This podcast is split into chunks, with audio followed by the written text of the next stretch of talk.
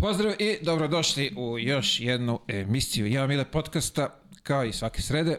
Zahvalimo se sponsorima Matijašić Vinogradima i Admiral Betu na podršci.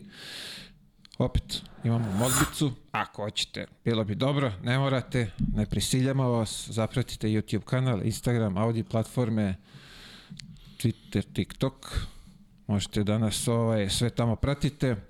Uglavnom tamo se, sem YouTube-a, u stvari na YouTube-u se nalazi ta kratka forma, ali ovaj, bilo bi lepo da budete tamo, da nas podržite, date nam ovaj vetar u leđa sa sve ovo što radimo. A danas imamo jednog izuzetnog gospodina da predstavim Haj, ne mogu kažem da si iz Novog Sada, ali ovaj, nekako te svi vežemo za taj Novi Sad, taj period dok si, dok si bio tamo. Sa nama je Felix Kojadinović. Felix je dobrodošao u ovaj, ovaj mali skromni show i dobrodošao u, u Beograd. Bolje te našao, Mile. Ovaj, jeste Novi Sad, iako po, po, ovaj, po vokaciji nije rodom, jel? Ja sam tamo Bosna, krajiš, krajišnik, jel, što se kaže, rođen, ali opet drago mi je što sam gost ovde kod tebe u ovom podcastu, pratim ovaj, i gledam i, i jako je bitno, ja mislim i jako je lepo što si ovo napravio, a bitno mislim da neke generacije, neke ljudi mogu da čuju eh, ajde da kažem, neke stvari van terena i na terenu koje se dešavaju, a koje su jako bitne eh, za, za košarku samu kao, kao, kao sport. Tako da, ono, čast mi je privilegija što sam, što sam jedan od tvojih gostiju i nadam se da ćemo danas da razmijenimo dosta, do, do, dosta lepu, ovaj, kako se, da ćemo razmijenimo dobru, dobre, da, da damo dobre informacije za Pa auditoriju. dobro, vidi, materijala ima, sad samo ovaj, da, da se prisetimo svega šta je, šta je Jeste, bilo, tako da ovaj, ne, ne sumnjam u to. Reci mi, dolazak u Beograd, pretpostavljam za tebe izaziva stres. E, Beogradski pa, asfalt, Pa, kako to? vidi, vidi, znaš kako, kad dođeš u Beograd, uvijek treba da kalkuliš jedan pola sata do sat.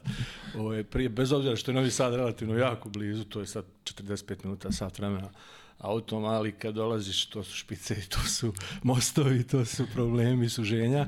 Ovaj, I generalno, meni, s obzirom da sam sam po sebi, onako, i, i ko igrač i ko osoba, bio temperamentan, jeli, ovaj, meni nekako Novi Sad, eh, i, i kad sam došao u njega, jel, 2005 pete, ovaj, kad sam došao u Vojvodinu, nekako mi je lego da, da, da taj narod tamo i ta atmosfera koja je u Novom Sadu, ona smiruje, onako spušta polako i tu sam negdje našao neki balans i neku sredinu. Beograd mi je, e, naravno, najveći grad, sve, sve, sve je tu, ali, ali mi je pre, preveliko i prestresno i, i, i uvijek kasniš negdje, ja pretpostavljam. A reci mi sad, ovaj, kažeš temperamentan, jel voliš malo da staviš na, trubicu kad je gužva, kad, kad krene da... E, Vidi, ja sam, s obzirom da sam četiri godine proveo u Grčkoj, ovo što se dešava ovde je smešno. Jer četiri godine u Atini i pola godine u Solunu, to ti je non stop truba, a, plus imaš motor, motore, motoriste, to je haos. Znači, to Beograd puta dva u Atini, ovaj, ja sam upo, upoznao ljude koji čak iz jednog dijela grada, recimo ljude iz Pireja koji nikad nisu bili, ne znam, ti im kažeš Marusi koji je kontra, drugi, on nije nikad bio, zna, čuje, ali nije nikad bio. Jednostavno ne može da se krećeš. Tako da, ovaj, trube sam se dole naslušao i nasvirao, ovde je to još uvijek kalmo u odnosu na, na to. Reci mi zdravlje kako služi? E, pa sve okej, hvala Bogu. Ovaj, trudim se da, da ajde kažem, da, da ostanem i u nekoj fizičkoj formi, iako ti ne možeš, ja mislim da metabolizam ne može da prevariš koliko ti teo da ga ubrzaš. Neki 10 kila je tu od onog perioda kad sam igrao, ali u principu ovaj, igram rekreativno tenis i to onako sam zagrižen što se kaže. Ovaj, malo fitness, malo to, tako da u principu sve u nekim granicama normale kako bi trebalo da bude. Čuo sam da si, da si se navukao na tenis, ozbiljno. E, vidi, to je, to je opasno, ovaj, čak onako kroz glavu mi prolaze neke misli da sam ja to trebao nekada igram kao klinac, da sam trebao u tom, iako je, ovaj, s obzirom da, da znam, to je deset puta teže se probiti u, u tenisu, živjeti u tenisa, ali mislim da je neka, neka rekreacija i neki, neki vid pražnjenja jel, koji, koji je ovaj, za mene, meni je tako legao basket ne igram, uopšte igrao sam ga jednom nakon karijere i to sa, sa nekim prijateljima dole u gradištu, dakle sam rodom, su imaju veterane, pa sam otišao čisto ljude da ispoštujem. Uh, I lopta mi je bila ko strano tijelo, moram da priznam. Ovaj, ali tenis, to mi je ono pasija neka i, i, i- volim i gledam i pratim, iako naravno sam dalje u košarci, ali to mi je i, i posao, ali ovo mi je, ajde da kažem, da kad hoću da se isključim iz košarke, onda, onda, onda na tenis i stvarno uživam tamo. Igrate neku ligu nešto, ve, Da, to je, imaš pa u, u, nešto? Novom Sa, u Novom Sadu je to jako, kako kažem, ja, na, na jako, taj rekreativni nivo tenisa jako dobrom nivou. Imaju lige od nekih ozbiljnih rekreativnih igrača do ajde kažemo ovih koji su slabiji, pa u dve, dve ovaj, kako se zove, u dve, dva nivoa, to igramo na ovom teniskom klubu Olimpija, tamo se okuplja, ajde kažemo, najveći, najveći broj tih rekreativaca, mada ima liga i na drugim terenima tamo. Kažem, u Novom Sadu je to stvarno, stvarno onako ovaj, veliko. E, pretpostavljam da da ovaj i u Beogradu je to još puta puta više. Ima toga, to se ne prati, ne, nije toliko javno, ali rekreativni tenis je za razliku ja mislim od basketa na, na, na većem nivou u smislu te organizacije da se igraju. U Novom Sadu ima ja mislim jedna biznis liga za košarku, a ovih teniskih ima skoro svaki svaki, Svaki klub, teren ima da, svoje, klub da. ima neku svoju ligu gdje se organizuju gdje ljudi igraju i to je kako kažem, onako le, le, lepo, mislim naravno Novak Đoković je broj 1 koji to promoviše i gura, naravno prije njega nije to toliko bilo, ali sad je, sad je ta rekreativna, do tih nekih ITF turnira koji su na, na, na međunarodnom nivou, koji se isto organizuju u Beogradu i čak ne znam da li u Novom Sadu, ali u Beogradu znam sigurno da postoje, ovaj, i lepo je, kažem, lepo je što je tako lepo, dobro organizovano. Niste prešli još na ovaj padel, ne? E, to je sad isto, sad su evo napravljeno prva, ja mislim, dva ili četiri terena za padel u Novom Sadu. A s obzirom da sam sad bio u Banja Luci 7 dana i vidio sam na ovom novom te, ovom teniskom centru koji je napravljen sa ovim novim stadionom, napravljeni su dva terena za padel. I vidim da to polako dolazi, da kažem, ulazi na ove naše, na ove naše krajeve. O, ne znam, ja sam nisam upravo pravo ti kažem. Gledao sam malo nešto na YouTube-u ljude koji igraju i mislim da je zahtjevniji od tenisa, što imaš te uh, iza može da se odbije i to i da je, da je, da je ovaj, da si non stop na nogama. Mislim, kao i squash, squash je mnogo zahtjevniji od, od, od, od tenisa, brži je ono, sa, sa, sa, sa više ovaj, kako se zove, pokreta i tjeraš tijelo na veći napor. U tenisu imataš pojem pa malo odmoriš, ono, a u padelu ja pretpostavljam da je to isto, mada pretpostavljam da će to nekom da se svidi ovdje i da će, ja, ja sam čak naču da je Zrenjanin recimo centar kojem ima već odavno padel, padel terena, ako, ako dobro... Pa ovde sad poslednjih par godina je baš u Beogradu za- zaživelo lepo i to Pa, se vidim da se super. otvara po, popriličan broj, Super, tako da i, onako zanimljivo je. Pa Ja sam jedino što je reke, pro- drugo, da vidio da je reke drugačiji manji, Tako je, je, inako da. poluplastičan ili drven, nisam nikad držao u ruci, pa, Pa pa ti vidi, kažem, nemam iskustva. obložen je nekim materijalom, sad kojim tačno nemam predstavu. Da li je loptica Nešto je ista? guminirano. Kao teniska, nemam Ne, pojma. da, da, da, isto, isto, isto, isto, da, isto. da, da. Isto, isto je sve, ovaj, samo su ta pravila drugačija. Jeste, i, jeste. I okrećeš se non stop, gledaš da se odbija. pa dobro, da imaš foru, možeš i ti da ovaj, ćušiš i od, od zida Mar- da, da, da, da, prebaci. Martinello, da. Martinello, Da, da, bravo. Zanimljivo je, zanimljivo je i onako je traži, što ti kažeš, dosta napora i jeste, kretnja. jeste. Ali igra se u parovima, može u parovima, tako da malo da, da, malo, olakšaš. malo je, jeste, jeste. Pa da. bar možda vrištiš na ovaj, kad pogreši, nisi, nisi Da, ti uvek kriv. Tako. Koji u tenisu, kad igraš u parama, znaš, uvijek je drugi kriv. Lagano.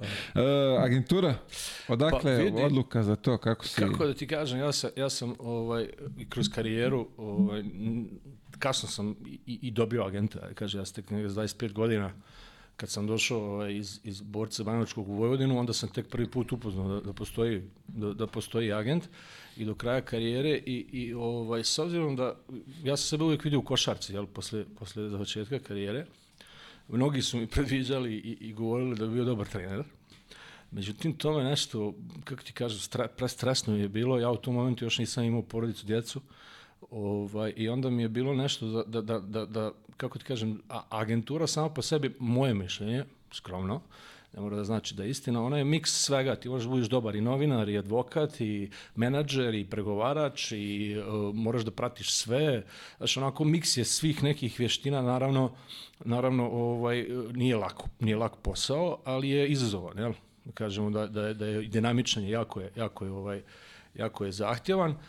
I onda sam negdje vidio sebe u tom, ja kad sam završao karijeru, moj agent je bio sa, sa Kipra, ne znam da on je sad live sport, nekad je bio GPK Sport, Haris Papadopoulos, možda ti poznat. Čuo. Da. Ovaj, onako, dobar, dobar agent. U tom periodu i već pred kraj moje karijere on bio taj koji, je, koji me zastupao i s njim sam, ajde, po, on je već tad htio da se širi, jeli?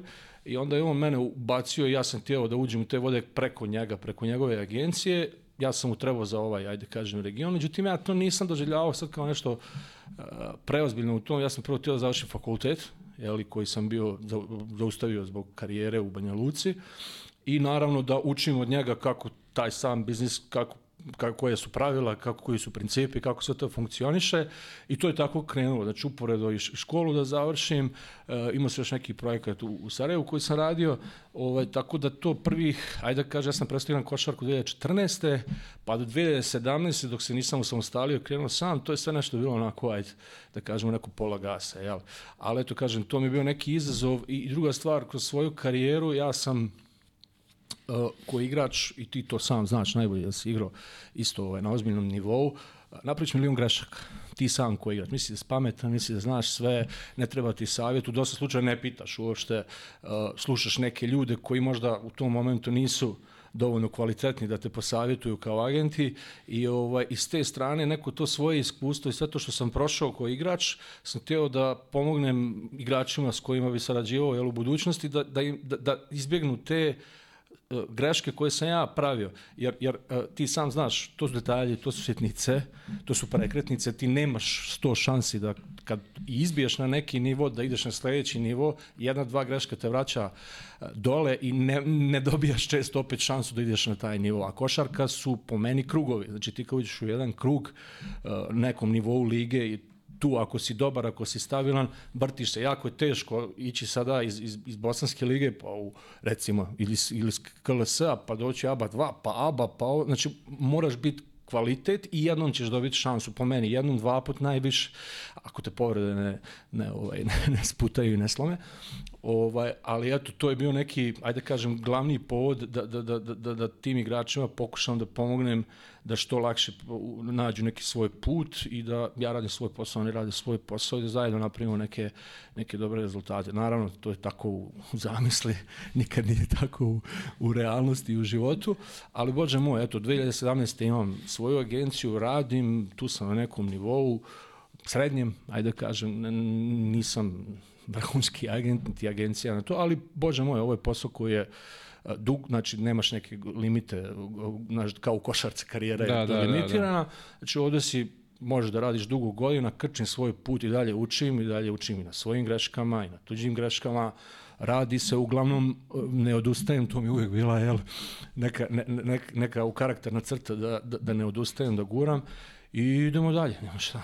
Kako si zadovoljan do sada ovaj, tim poslom? Ajde, kažeš da od 2017. imaš svoju agenciju, kako, kako pa, vidi, to? Znaš kako, zadovoljan sam, zadovoljan sam u smislu, o, živim dobro od toga, to ne mogu da, da poreknem. Ovaj, o, moglo je bolje, moglo je gore, jeli? Ja mislim da sam na nekom prirodnom toku putu, kao i u košarkaškoj karijeri, kod mene to išlo nekako kasno krenuo, pa sporo, pa sam onda provio, tako i ovo negde doživljavam. Znači ja, ja vidim to, pozitivno, ajde da kažem, kao u, ne, u nekoj konačnici, čekam neko svoje vreme, mi svi znamo ko su najveći agenti ovde, na, na, pogotovo u Srbiji ima dosta velikih agencija, i ja njih sve poštujem i to su ozbiljni ljudi, ozbiljne infrastrukture, ozbiljne, ozbiljni ovaj, agenti, ja čekam neku svoju šansu kada ona dođe da idem isto, kažem, na taj veći nivo, I to je to. Ja mislim da ne, ne žurim nigdje. Bro. Da, nemam, nemam nikakvu pritisak i nešto.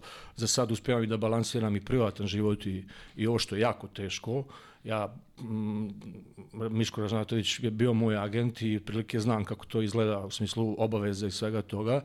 Ja čak i nisam bio spreman u početku da to tako radim, da se kaže da ginem, ono, da putujem non stop, da, da ovo, sad sam to malo pojačao i sve to, tako da u principu sve nekim svojim prirodnim tokom polako i ne, ne mislim da će biti loše. A reci mi neki mladi talent ako tebe...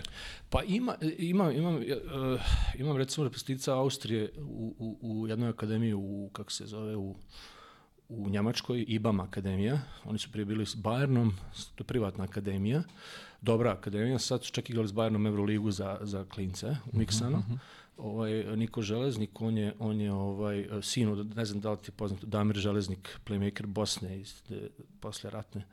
Uh, on je tamo iz iz, iz Austrije, mali je bio je na probi u Žalgir, su bile neke priče s Baskonijom. Na kraju smo odabrali da je ta IBAM akademija najbolja za njega. Tamo imam isto jednog Ukrajinca 2008. godište. Imam tu neke djece iz Srbije zanimljive koji su po Novom Sadu. I tako, I, ima. Znači, da. ne, ne mogu da kažem da nema. Imam i mladih nekih igrača u Sloveniji i u, ovaj, na drugim mestima, tako da polako, ajde, oni rastu, rade. Najbitnije da su na dobrim mestima, da su ovaj, na dobri, s dobrim trenerima, s dobrim uslovima, da se razvijaju dalje. To je ono što je mladim igraču jel, najvažnije, gdje se radi dobro. I, on, kako vreme će pokazati koliko, koliko kvaliteta imaju. A sad kad spominješ to, koliko ti u stvari njih možeš da da ih osvestiš da je njima sad najbitnije taj rad i, i igra i sve, da ne jure za lupom, da ne maštaju, mislim, treba maštati za, za neke velike ciljeve, ali u ovim sad momentima najbitnije taj Znaš kako, ja ću ti reći, ja ću ti reći svoj neki lični primjer prvo, pa, pa, pa ovaj, ja mislim da je to, s obzirom odakle sam ja krenuo, gdje sam završio, gdje sam bio, mislim da je to ispravno. Čovjek treba da ima snovi, treba da ima cilje. Ja, ja, ja ti kažem iskreno, ja sam uh, uh, u tim nekim svojim prvim godinama karijere u Borcu Banjačku, tad je bilo Bodiroga, tad, to je bilo ono, vrh sve, jel, ovi naši igrači, mi su oni su nove dolazili, znači sajno da igram protiv njih. Znači, ako sam bio opsidnut radom i košarkom, mislim da ovi današnja djeca nemaju toliko opsidnost tim, ti moraš da ih guraš, moraš stalno da, ih, da, ih, da, da im pričaš, da ih potenciraš. Mi smo nekad bili opsidnuti, samo je bilo dovoljno da imaš teren, da imaš loptu i da izađeš nebitno da li je beton, da li je, znaš, danas ima mnogo tih ometača i, i e, stvari koje, koje pa, pa, pažnju sklanjaju sa bitnih stvari kod mlade djece, počeo od socijalnih mreža pa, pa nadalje. I mislim da je to u stvari najveći, najveći izazov kako ti trener, roditelj, agent, uh, klub kako da uspiju da vrate dijete u tu u tu ajde da kažem u tu mašinu rad jer talent, sve znamo, talent je ništa ako se ne radi, talent može samo da se eksploatiše vrhunskim i kvalitetnim radom i, i upornim radom. Ja, kažem na svom primjeru, ja jesam bio talentovan, ali ništa ajde da kažem, nisam bio ni, ni, ni, ni kad sam bio mladi Luka Dončić, ni ovo, imao sam samo duge ruke i ne znam, nija nek, nekog talenta za, za, za loptu, bio sam dobar s loptom, ali to su bili sati rada, ne sati rada, ne, ja ne mogu da ti opišem koliko smo mi trenirali u tom borcu Bajanočkom kad smo bili mladi, to, to je bio, mislim, teror je bio na, na, u neku ruku. Ali, ali, ovaj, ali je to na kraju od mene napravilo nekog igrača koji je, koji je jel, posle karijeru imao do 34. godine. No. Pa dobro, ali opet uh, ono što, što ja volim da naglasim da su oni sad, lupam, verujem da su ti ti mladi igrači sa što si ih nabrojio, uh, ajde kažemo zeleni još da nisu svesni ti neki stvari i da tu mislim, tvoja uloga, bi, uloga treba da bude da im to sve objasniš, sažvaćeš, da oni to sve razumeju, absolutno, da, absolutno. da ne bi leteli, absolutno. da se ne bi gubili. Evo, recimo, meni je drago, ja sam mogu da kažem za tog malo konkretno, tog Niku Železnika, on je 2006. godište, nije on više ni, ni premlad, jel? Ovaj, ali mogu da kažem da njegov otac recimo je čovjek s kojim ja imam fantastičnu komunikaciju. Mi smo igrali jedan protiv drugog. On je inače u Klosten, Klostenburg ili tako već kako sam pored Beča, ovaj, je trener, bio je pomoćni trener kluba, pa je vodio mlade kategorije, znači čovjek iz košarke, iz, bavi, se, bavi se trenerskim poslom, s njim imam recimo savršenu komunikaciju i imali smo izazove, s obzirom da je mali napustio Beč i otišao u Minhen, znaš kako je to stresno, no, no, no, novo sve, nova škola, novo sve, i bilo je tu izazova i problema sa malim, ali mi smo uspjeli da, da, da zajedno, jeli, to kažem neko, upravo što kažeš, mentorstvo, zajednički rad, uspjeli smo da, da vratimo malog jel, na pravi put i sad je to stvarno ide svojim nekim dobrim, dobrim tokom.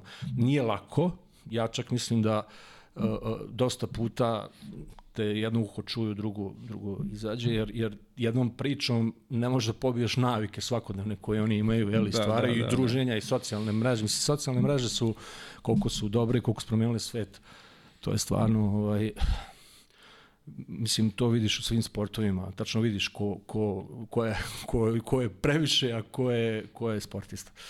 Ja. Opet, do njih je, moraju da rade, ako ne žele da... Ti, ti možeš samo da usmjeriš i da, da pokažeš pravac i da kažeš, eh, ali, ali opet oni moraju sami to sve da urade i da izaberu pravi put. Jel? Jasno, baš tako. Uh, reci mi ovako, ovde imamo ovaj, košarkaški kamp koji će biti održan kad već, to će sad da vam kažeš, tu si isto u... Da, e, došli smo, došli smo do, do nekog, ajde kažem, ideju smo pretvorili sad u projekat, košarkaški kamp Ernest Rađen, uh, verovatno auditorijum zna ko je, ko je Ernest Rađen, znači sad trener Peking Ducksa, glavni trener Peking Ducksa u Kini, što je velika stvar. Peking a reću vam samo da je preksinoć utakmicu e, četvrt finala play-offa kineske CBA lige između Liao Ning, Liao Ning i Peking Ducksa gledalo 320 miliona ljudi. Znači što TV, što streamovi, što znači wow. da, to to to to ovaj ti biti trener Peking Ducks je božanstvo. Mal u Kini. Stefan Marbury je je tamo igrao i završio karijeru i bio trener, posle čak i generalni menadžer, pa je napustio. Evo kažem Ernest Rađen je trenutno trener Peking Ducksa i 12 godina u Kini, inače trener koji je s najdužim stažom od svih stranih trenera u Kini, znači nije Amerikanac, iako su Kinezi CBA je okrenuto prema, prema NBA i imate masu bivših generalnih menadžera i trenera koji nisu više u NBA krugovima koji su poslani u Kinu da rade.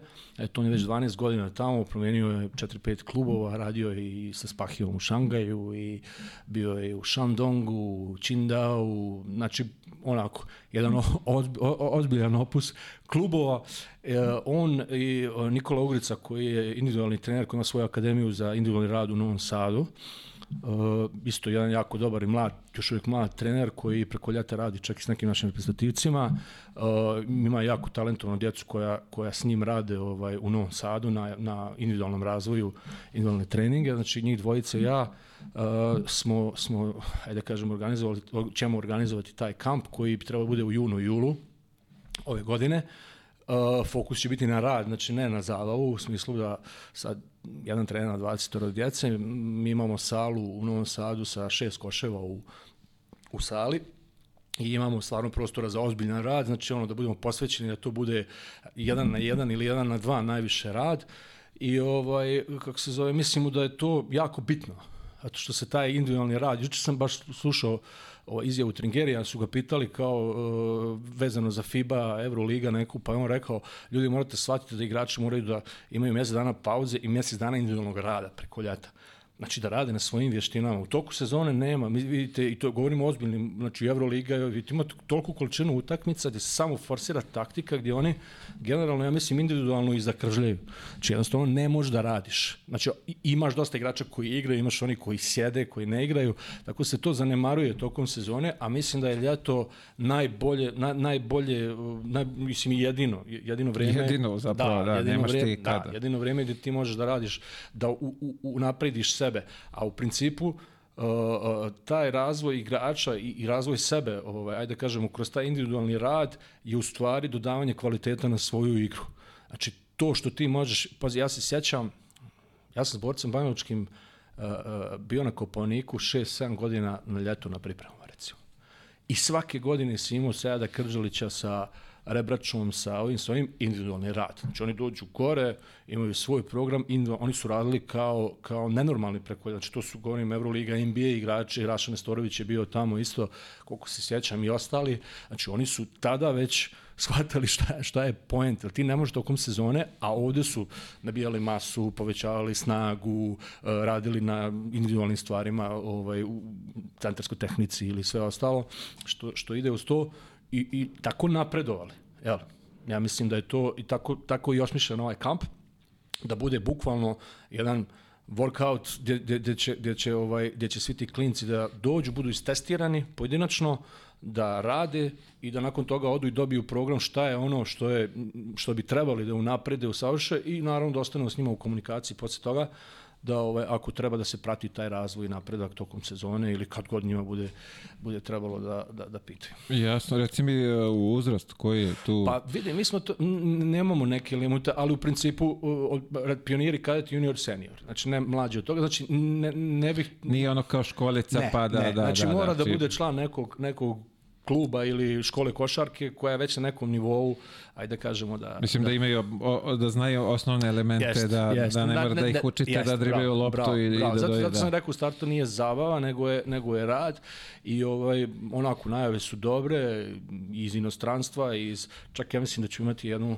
jednu ovaj, američku ekipicu tih underdog igrača koji traže svoje mjesto, pa ćemo pokušati da organizujemo trenere iz, iz regiona da dođu i da ih pogledaju i vide. Ja, ja smatram da se, imam dosta dodira s tim igračima koji su tog ruki nivoa i amerikanaca, ovaj, koji nisu našli svoje mjesto. Tu, su, tu ima dobri igrača, imamo dosta slučajeva gde naprave karijere ovaj, iz toga ovaj, da nisu bili poznati ili na velikim koleđima, uh, oni najavljuju da će da dođu i treneri mogu da dođu da ih vide. Smanjen je rizik, jer ti kad gledaš njega na YouTube snimku, mislim, to danas da, možemo da. sa montažom da napravimo svi, ali kad ga vidiš imaš šansu da popričaš s njim, da se uvjeriš u lično u njegove kvalitete, samim tim može da dovedeš prilično, aj kažem, povoljno dobrog igrača.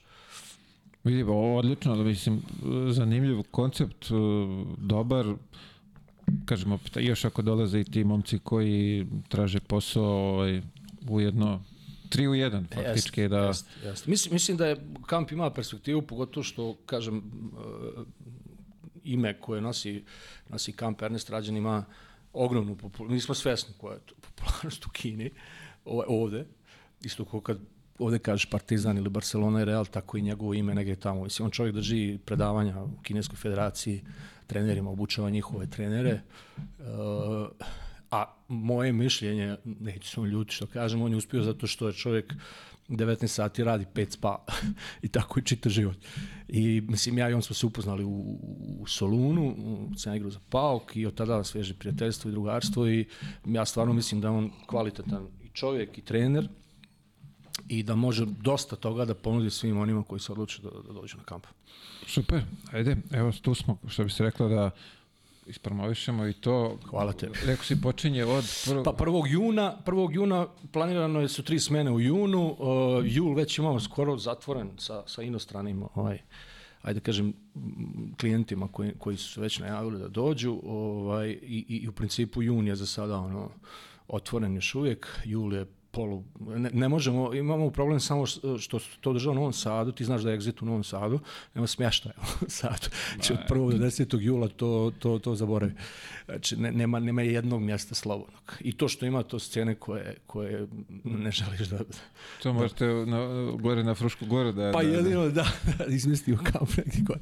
Ali u samom gradu je, je pakao ti 10 dana, ne znam da li si ikad bio na exit. Nisam nikad, da. Ali ovaj, to je, ja ne znam, 450 ja ljudi prođe za Ja sam više zove kupusijade. A, jo, znaš, nisam... ja, kažete, ja sam bio na exitima, pa se neki propuštaju ovo, ali to, to grad, grad ne prepoznaješ. To, to, Novi Sad postane jedno, ne, znam ni kako nazvu što možeš sve da vidiš. I... Verujem, da, i poznajem neke koji idu, verujem, ne, ima dobre muzike, to, to ima dobrih izvođača, da, da ali nisam, da, nisam nikad... Ovaj... Ja, sam, ja sam bio, sad se ne meni je ostalo ono pečatio, ja sam bio na Prodigy na main stage-u, ne mogu sad kažem koja godina, ali, ali to iskustvo, recimo, ta energija koju ta grupa i, i ušte, ja sam bio onako VIP gore, pa gledaš to sve, do, pa tu masu koja, znači, to, znaš, nerealno. Znaš, I ne samo Prodigy, nego i, i, i ostali izvođači to kad, kad, kad krene i ono, znaš, onda završi se i onda jedni prelaze, znaš, ono viš kao stampedo mase koji se kreće. Nije to ni, ni, ni bezazleno da se mi razumemo, to pražnjenje jednog stage odlazak na, druž, na drugi i ono, ali u principu doživljaje, doživljaje vrhunski to.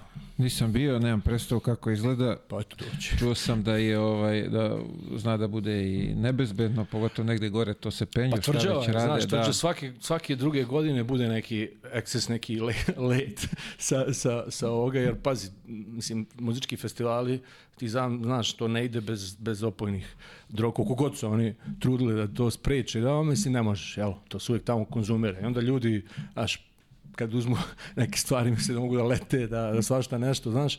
Mislim i svega na tu količinu ljudi ti, ti jednostavno ne možeš da kontrolišeš toliko masu koliko god ti ljudi trudili. I ja mislim da radi savršen posao s obzirom koliko je to ljudi stranaca, pazi dolaze Englezi i ušte ljudi iz zapadne Evrope koji dolaze i njima je Srbija uvijek dobra jeftina, jeftina pozicija, da, da. zeza, može sve što ne može u Engleskoj, znaš, ono, huliga neki u Engleskoj kad napravi nešto, to je zatvor odmah i, i zabrana doživotna, jel, ovde Malo. Dobro došao. Izvoli još, treba šta samo, treba. Samo Zato ljudi, nemojte se drogirati, naravno, ali naravno, idite naravno, na kupusijade, komusijade, da. slaninijade, šta jest, već ima, to je onako zdrava priča. Jest, jest. Ima tu da se popije sve, ali jest. bez ovaj opojnih sredstava. Naravno. Uh, ajde ovako, kao što obično biva, da se vratimo mi u tvoje male cipelice, da vidimo kako je izgledalo tvoje odrastanje, to ovaj, život u Da. Gradiška, tako? Da. Jel, Pa ono, nije li- kako nije- je, izvini, samo mi još jedno ovo pojasni. Gradiška ima s jedne, ima s druge strane, jel tako? I ima treća malo dalje. E sad, koja je tvoja? Ja sam u Bosanskoj, znači s bo- bosanske strane. Ono, kad pre, kad pređeš- Preko mosta, pa da, tu. a preko mosta ti je Stara Gradiška, to je poznati konclogor bio, potom je poznata. Stara Gradiška, Jasenovac, Jastrebarsko, to su bili najpoznatiji ovaj, logori u, u, ovaj, u ovaj drugom svjetskom ratu. Ovaj, a malo dalje je Nova Gradiška. Ona je već tamo jedno 20 km prema, kad već kreneš prema, prema, ovaj, prema Beogradu. Znaš, a Okučani su petlja na kojoj se isključuje. Čekaj, čekaj, samo mi sad ovako. Kad se isključuješ sa autoputa za iz Hrvatske, ideš na koju gradišku? Ne, ti kad dolaziš na Okučane petlju, prije, prije, prije Okučana imaš novu gradišku skretanje, tu je nova gradiška. E, tu sam, tu izlazim, da, nisam u te ne. okučani mi nepoznato. Ne, uvijek, ne možeš novoj gradišci, znači moraš u Okučanima, pa onda rampa, pa se uključuješ, pa kroz staru gradišku most, pa prećeš. Novu gradišku prođeš s desne strane ovako. To Dobro, je, ni- nisam još izučio Da, to, mora, da, da, mora da. više puta da se prođe da bi... A da, ali evo primijetit ćeš sad kad budeš sljedeći put išao, prije Okučana prvo isključenje koje postoji je, je, je ova nova gradiška petlja.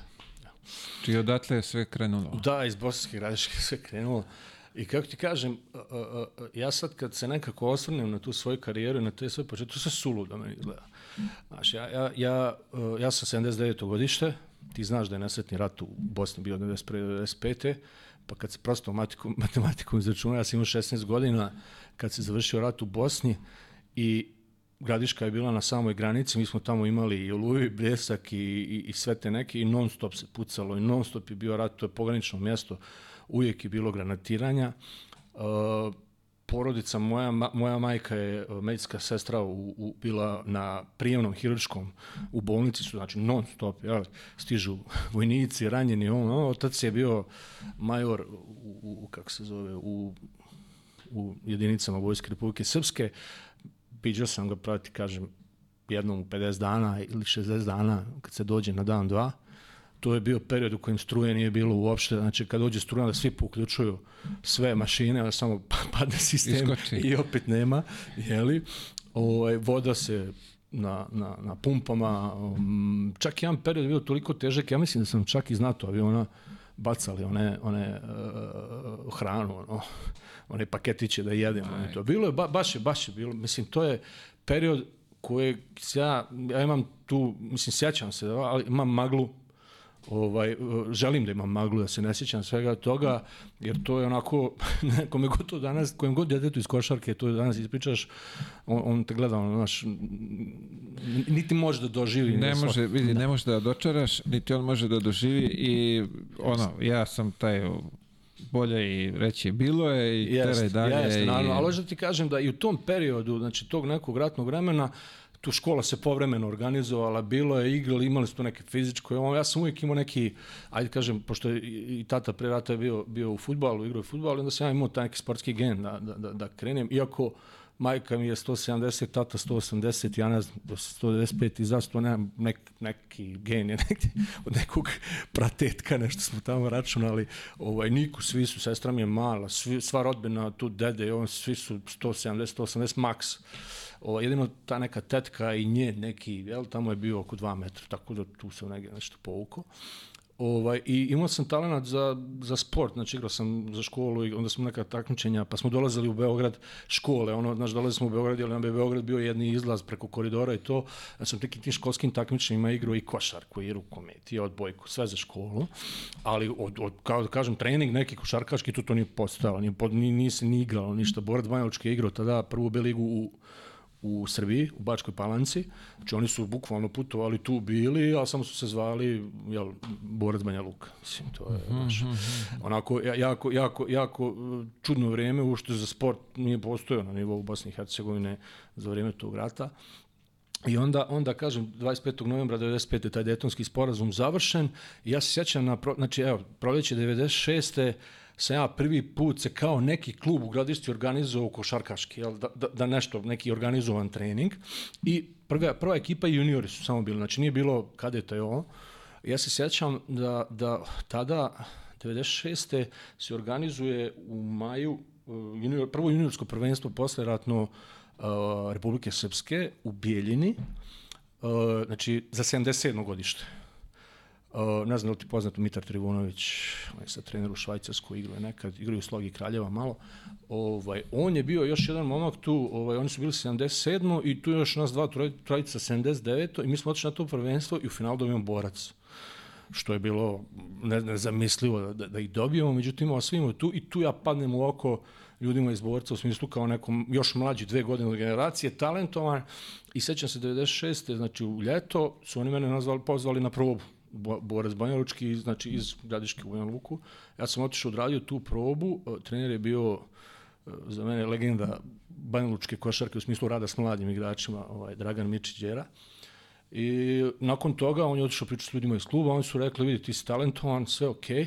mi možemo da ti damo tu pored dvorane Borik je bio, bio ovaj, hrana, jel, ono, gde se hranili igrači, što možda dobiješ od nas hranu, smještaj nemamo, pa ti sad vidi, ako hoćeš dođi, evo, možda uđeš u našu juniorsku ekipu i, ovaj, da, i onda se ja sa, sa ocem razgovarao i mene tada sam pitao, ti to hoćeš, ti to želiš, pošto ja imam tetku ovaj, u Banja Luci, ja rekao, naravno da hoću, da idemo, hoću, ovaj, u stvari meni je bilo samo neki driver mi je bio da odem iz te gradiške.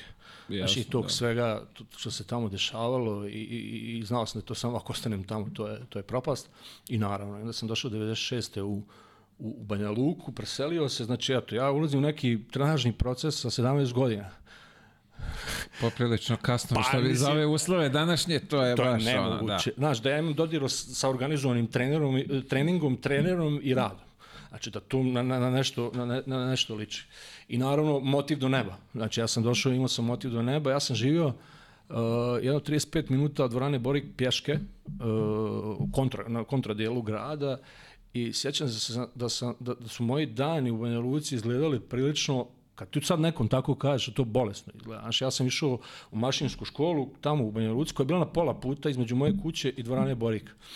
I ovaj, nadam se na kraju, nakon četiri godine, završio kao rekorder po broju opravdanih časova, koliko nisam bio u škole. Ali, ali je bilo, znaš, jutarnja smjena, ja ustanem, odem u školu od 8 do 10, u 10 e, napustim jel, školu, odem u fitness, završim fitness, trener sa, trening sa, sa ovaj, kako se zove, individualni trener sa trenerom kojeg sam spomenuo, nakon toga jedem, nakon toga se vratim kući, odspavam dva sata, ali govorim pola sata pješke, pa pola sata pješke nasad pa malo odmoriš, pa opet stvari, pa pješke na trening. Prvog tima, ja već kad sam došao nakon, uh, nakon uh, tad je bio ovaj, uh, Miodrag Baletić je bio trener borca i Ranko Čarapić je bio pomoćnik njegov, oni su već u meni videli da, da sam ja dobar i oni su već mene priključili da treniram sa prvom mm -hmm. ekipom. Jel?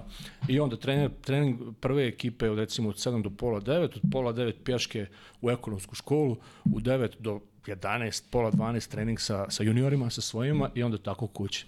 I to je tako bilo, mislim, kad je kontra smjena, manje više isto, jel? ali, da kažem, četiri puta pjaški, to je tako bilo tri godine.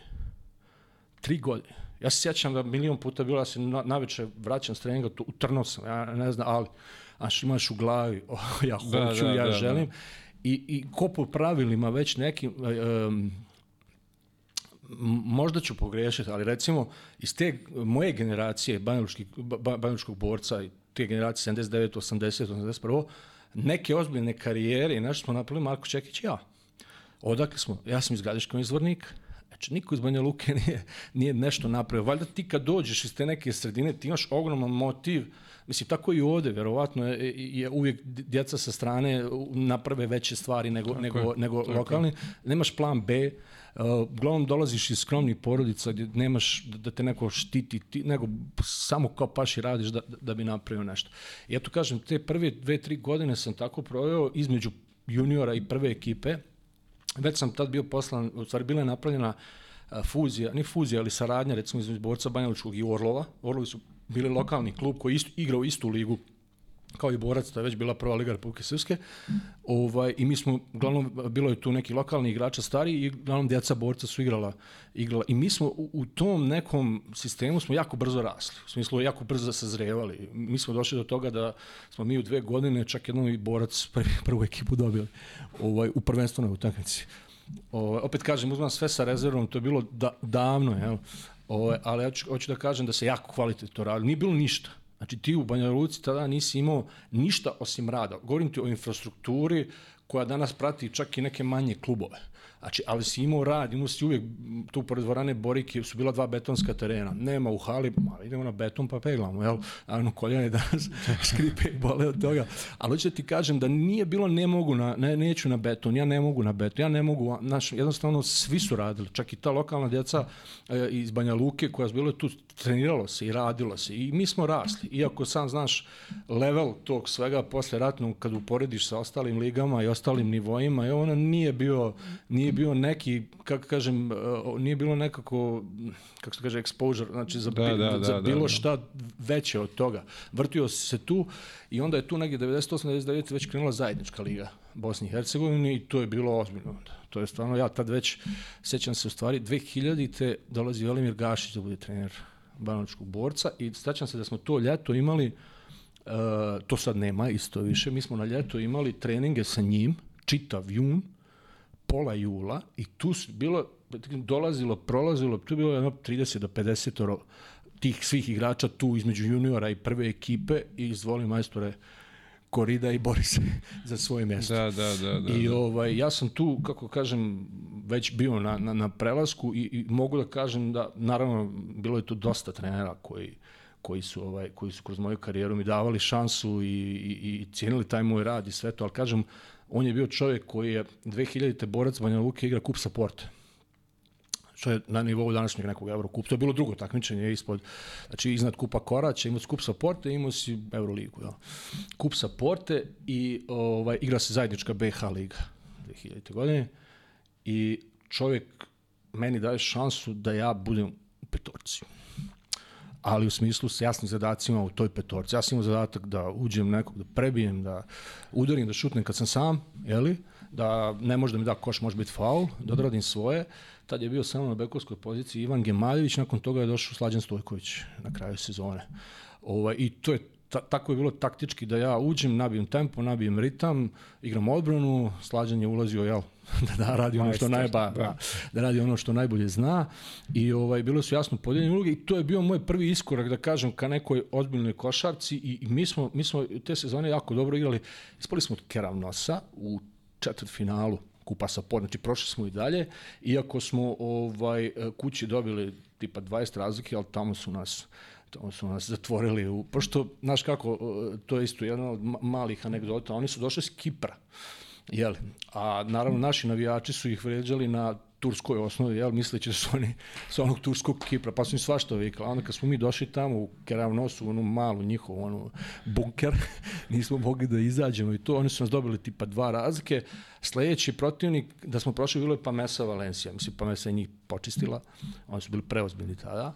A hoću da kažem da je to neki prvi moj iskorak ka nekom internacionalnom iskustvu i, i vrhunskoj košarci. Znači, de, stvarno se vrhunski radilo, vrhunska ekipa. Mi smo te, tu imali plejadu dobrih igrača, da, da se sećaš Zorana Kukića. Da, da, to je, to je, mislim, ja, ja i dan danas kažem da ja nisam puno se nagledao bolji četvorki, lično da sam bio Da, s da, njima, da. a igrao sam sa, sa, i trenirao sa ozbiljnim igračima, ali to je bilo, to je isto šteta što on nije ranije ovaj, otišao iz borca, mislim da bi napravio mnogo više. Ovaj, ali hoću da kažem, bil, bili su ozbiljni igrači i, ozbilj, i, i ozbiljan rad. Ovaj, I nakon toga 2001. Uh, već je malo, kako ti kažem, politička situacija u Igokeja je rasla, Borac je već došao do smjene vlasti, Borac je važio kao neki klub uh, Srpske demokratske stranke tamo, jel? Iako ja, ti kažem, ja nisam imao predstavu možda o tome, me to nije interesovalo, kao i, i, i nikada, ni tada, ni, ni, ni ovaj sada nije me interesovalo to. Međutim, menjalo su se budžeti, jel, menjalo su se snage, odnos snaga, tamo borac je bio u padu, i Gokeja je rasla, međutim, kao i svaka promjena vlasti, nikad se to ne dešava odmah da klub pada. Znaš, mi smo 2001. igrali BH ligu i kroz nju se izborili uh, za ABA 2. Za, ne ABA 2, za ABA. Znači, igrali smo 2002. 2003. i 2003. i 2004. smo igrali kao borac Banjački Java ligu. Ja sam već tad bio glavni igrač ekipe, jer naravno ovi skuplji igrači su otišli 2001.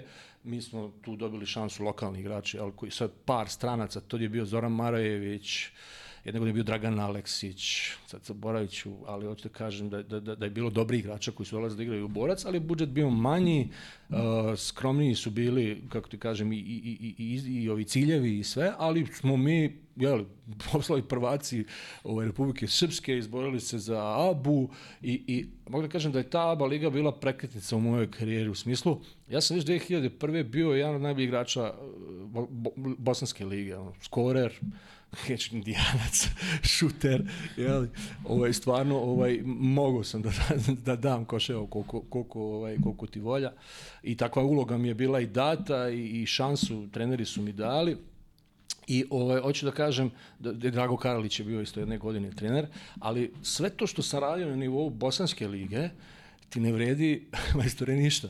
Jer to je level na, Da, da. na ti si tu, jel? Ovaj, ima se neke ponovice, ja se sjećam da tad Zlato Roglaško, ovaj, mislim da je Ališ Pipan bio da me zvao nakon te 2001. 2002. Ne, ja sam ostao. I onda je došla ABA liga i onda naravno ti ponavljaš te igre iz, iz, iz Bosanske lige, ljudi vide da možeš da to radiš i na ABA nivou i tako rasteš i tako te zovu i tako te traže. I to je bilo 2002. 2003. 2003. 2004. ABA liga. Sećam se da smo Mi uspeli... smo, da, kad sad spominješ to, mi, mi sad uh, vraćam film, uh, mi smo dolazili u Banja Luku. Refleks. Tad, tako je, refleks, te godine kad je Tad bio sam imao refleks. prvi doživljaj sa Vladom Đurovićem.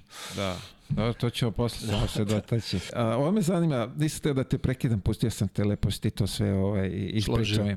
Da, a kad kreće taj, aj kažemo, sistemski trenizi sve, ovaj, si, pretpostavimo se neku maštu, šta si, šta si želeo da Pa postigneš? vidi, na- znaš kako, ja, ja ti kažem, ja sam sanjao, sećam se evo i sad jednog sna, sanjaš da igraš sa Bodirogom i sa, sa tim svim velikim igračima i naravno sanjaš da dostigneš te, te, te nivoje i te, ovaj, pazi, mi smo tada igrali sa grupom 7, oni su dolazili u Banja Luku da igraju Bravo, neku humanitarnu utakmicu sve to, pa da. ti vidiš da su to isto živi ljudi, ali igraš protiv njih i sve. Ovaj, I onda, znaš, odjednom ti se otvori mašta da i ti možeš biti na tom nivou, iako sve nije tako jednostavno ni prosto, ali hoću da ti kažem da, da, da ovaj, naravno taj rad i kad ti vidiš da ti možeš jel, da, da, da igraš na, na tom nivou, naravno ti to motiviše i tjera dalje. Pogotovo što, kažem, stvarno je bilo kvalitetnog rada. Mi smo, meni je Velimir Gašić bio trener dva dva slučaja bio u Vojvodini i bio u kako se zove u Borcu Banja Lučkom E, meni recimo on je izvlačio najbolje iz mene. Možda moje dve najbolje, aj ta prva koju mi je dao šansu gdje sam ja stvarno probio i ta u Vojvodini, to je jedna od najboljih mojih sezona, sezona u karijeri.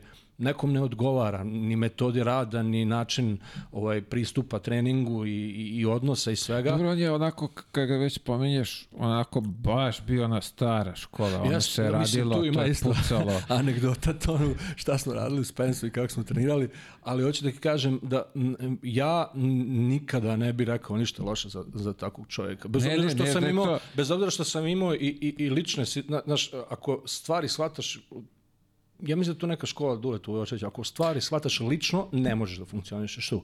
Znači, jednostavno, oni rade i sve što govore i, i, i na način koji se obraćaju, makar on bio težak, tvrd i ružan, je da izvuku maksimum iz tebe i za tvoj benefit. Ali ako imaš karakter na taj problem da to stvari shvataš lično, mene je recimo uvijek to tjeralo da budem ja, da, da još više dam, da još više grizem, da pokažem, da dokažem da, da u stvari to nije, to nije ovaj, da, da to nisam ja, ja sam bolji, jel? A neke ljude recimo to spuštalo, odlaze su kanal s kojeg nismo mogli da se vrate, ne tad, u životu, jel? Imao sam, negde sam i imao priliku s njim, da, ali ne, neki kratak period, ne mogu se sad setim gde je to bilo, što su stvarno neke metode, ono bilo, čekaj Pa, bre, jest, znaš, ovo jest, više ne prolazi, jest, znaš, jest, ali jest, on se jest. držao toga i... i Pa jeste, jeste. Ja mislim da je i, i dalje on tu radi, ja mislim da je Slobodi u, Žu- u Zužica sada, radio je i u Sutjesci u ABA 2, radio je i u Slobodi iz, iz, iz, iz Tuzle, ovaj, tu je, znači trenira i radi, ja ga poštujem, zato što, kažem, znam koliko je za mene učinio, i da izlači uvijek najbolje za mene, ali opet kaže, to je moje lično iskustvo. Svako ima svoje Naravno, i naravno. svako ima svoje poglede. Nekom je i Dule Vošević bio super, nekom je bio, jel, Tako je, tako je. Reci mi ulaz tvoj u prvi tim borca, kako, kako to izgledalo? Ti dolaziš, koliko to godina zapravo bilo? Mm, to je bilo neka, sad ne mogu tačno sad da se sjetim svega, ali to je bilo stvari ta sezona, uh, ta sezona ovaj 98 na 99 ja sam već tada igrao neke, znači o, o, Borac je igrao i dalje prvu B još dok nije počela ova mm -hmm. zajednička liga BiH, Borac je igrao prvu B ligu u, u Srbiji putovalo se petkom, igralo se vikendom, a u paralelno su igrali Ligu Republike Srpske. Znači ja sam u toj Ligi Republike Srpske dobio minute, dobio šanse, igrao naravno sve dozirano i tu je bilo nas dvojica, trojica mlađih igrača koji smo imali neku svoju ulogu i dava nam, da, ba, hoću da kažem da nam je data šansa. Znači to je ono što je borac u tom periodu jako dobro radio, imao je, imao je pa ja mogu kažem, nije to bio hot, motel, hotel, onako već, veća kuća tu blizu dvorane Bori gdje su živjeli igrači koji su sa strane, na dva mjesta je bila ta kuća i bila je ta ishrana, znači ono žena koja je to sve spremala. Tu su se skupljali najbolji mladi talenti iz koje si mogao da, da skupiš iz Republike Srpske u tom momentu i jako se dobro radilo i da, znači klub je imao strategiju da daje šansu. Znači izvoli majstor, dobar si, izvoli probaj, jesi li ti za to ili nisi, izvoli što se kaže u, u, u fight sa prvotimcima, pa na treningu da pokažeš. Ja se sećam da ja recimo, uh, znaš uvijek je, to, su, to su za mene bili karakteri, likovi, uh, tu Zoran Kukić, Saša Vuleta, Vasiše, evo, znači, to sad, to, na tom, to za mene bili ono, wow.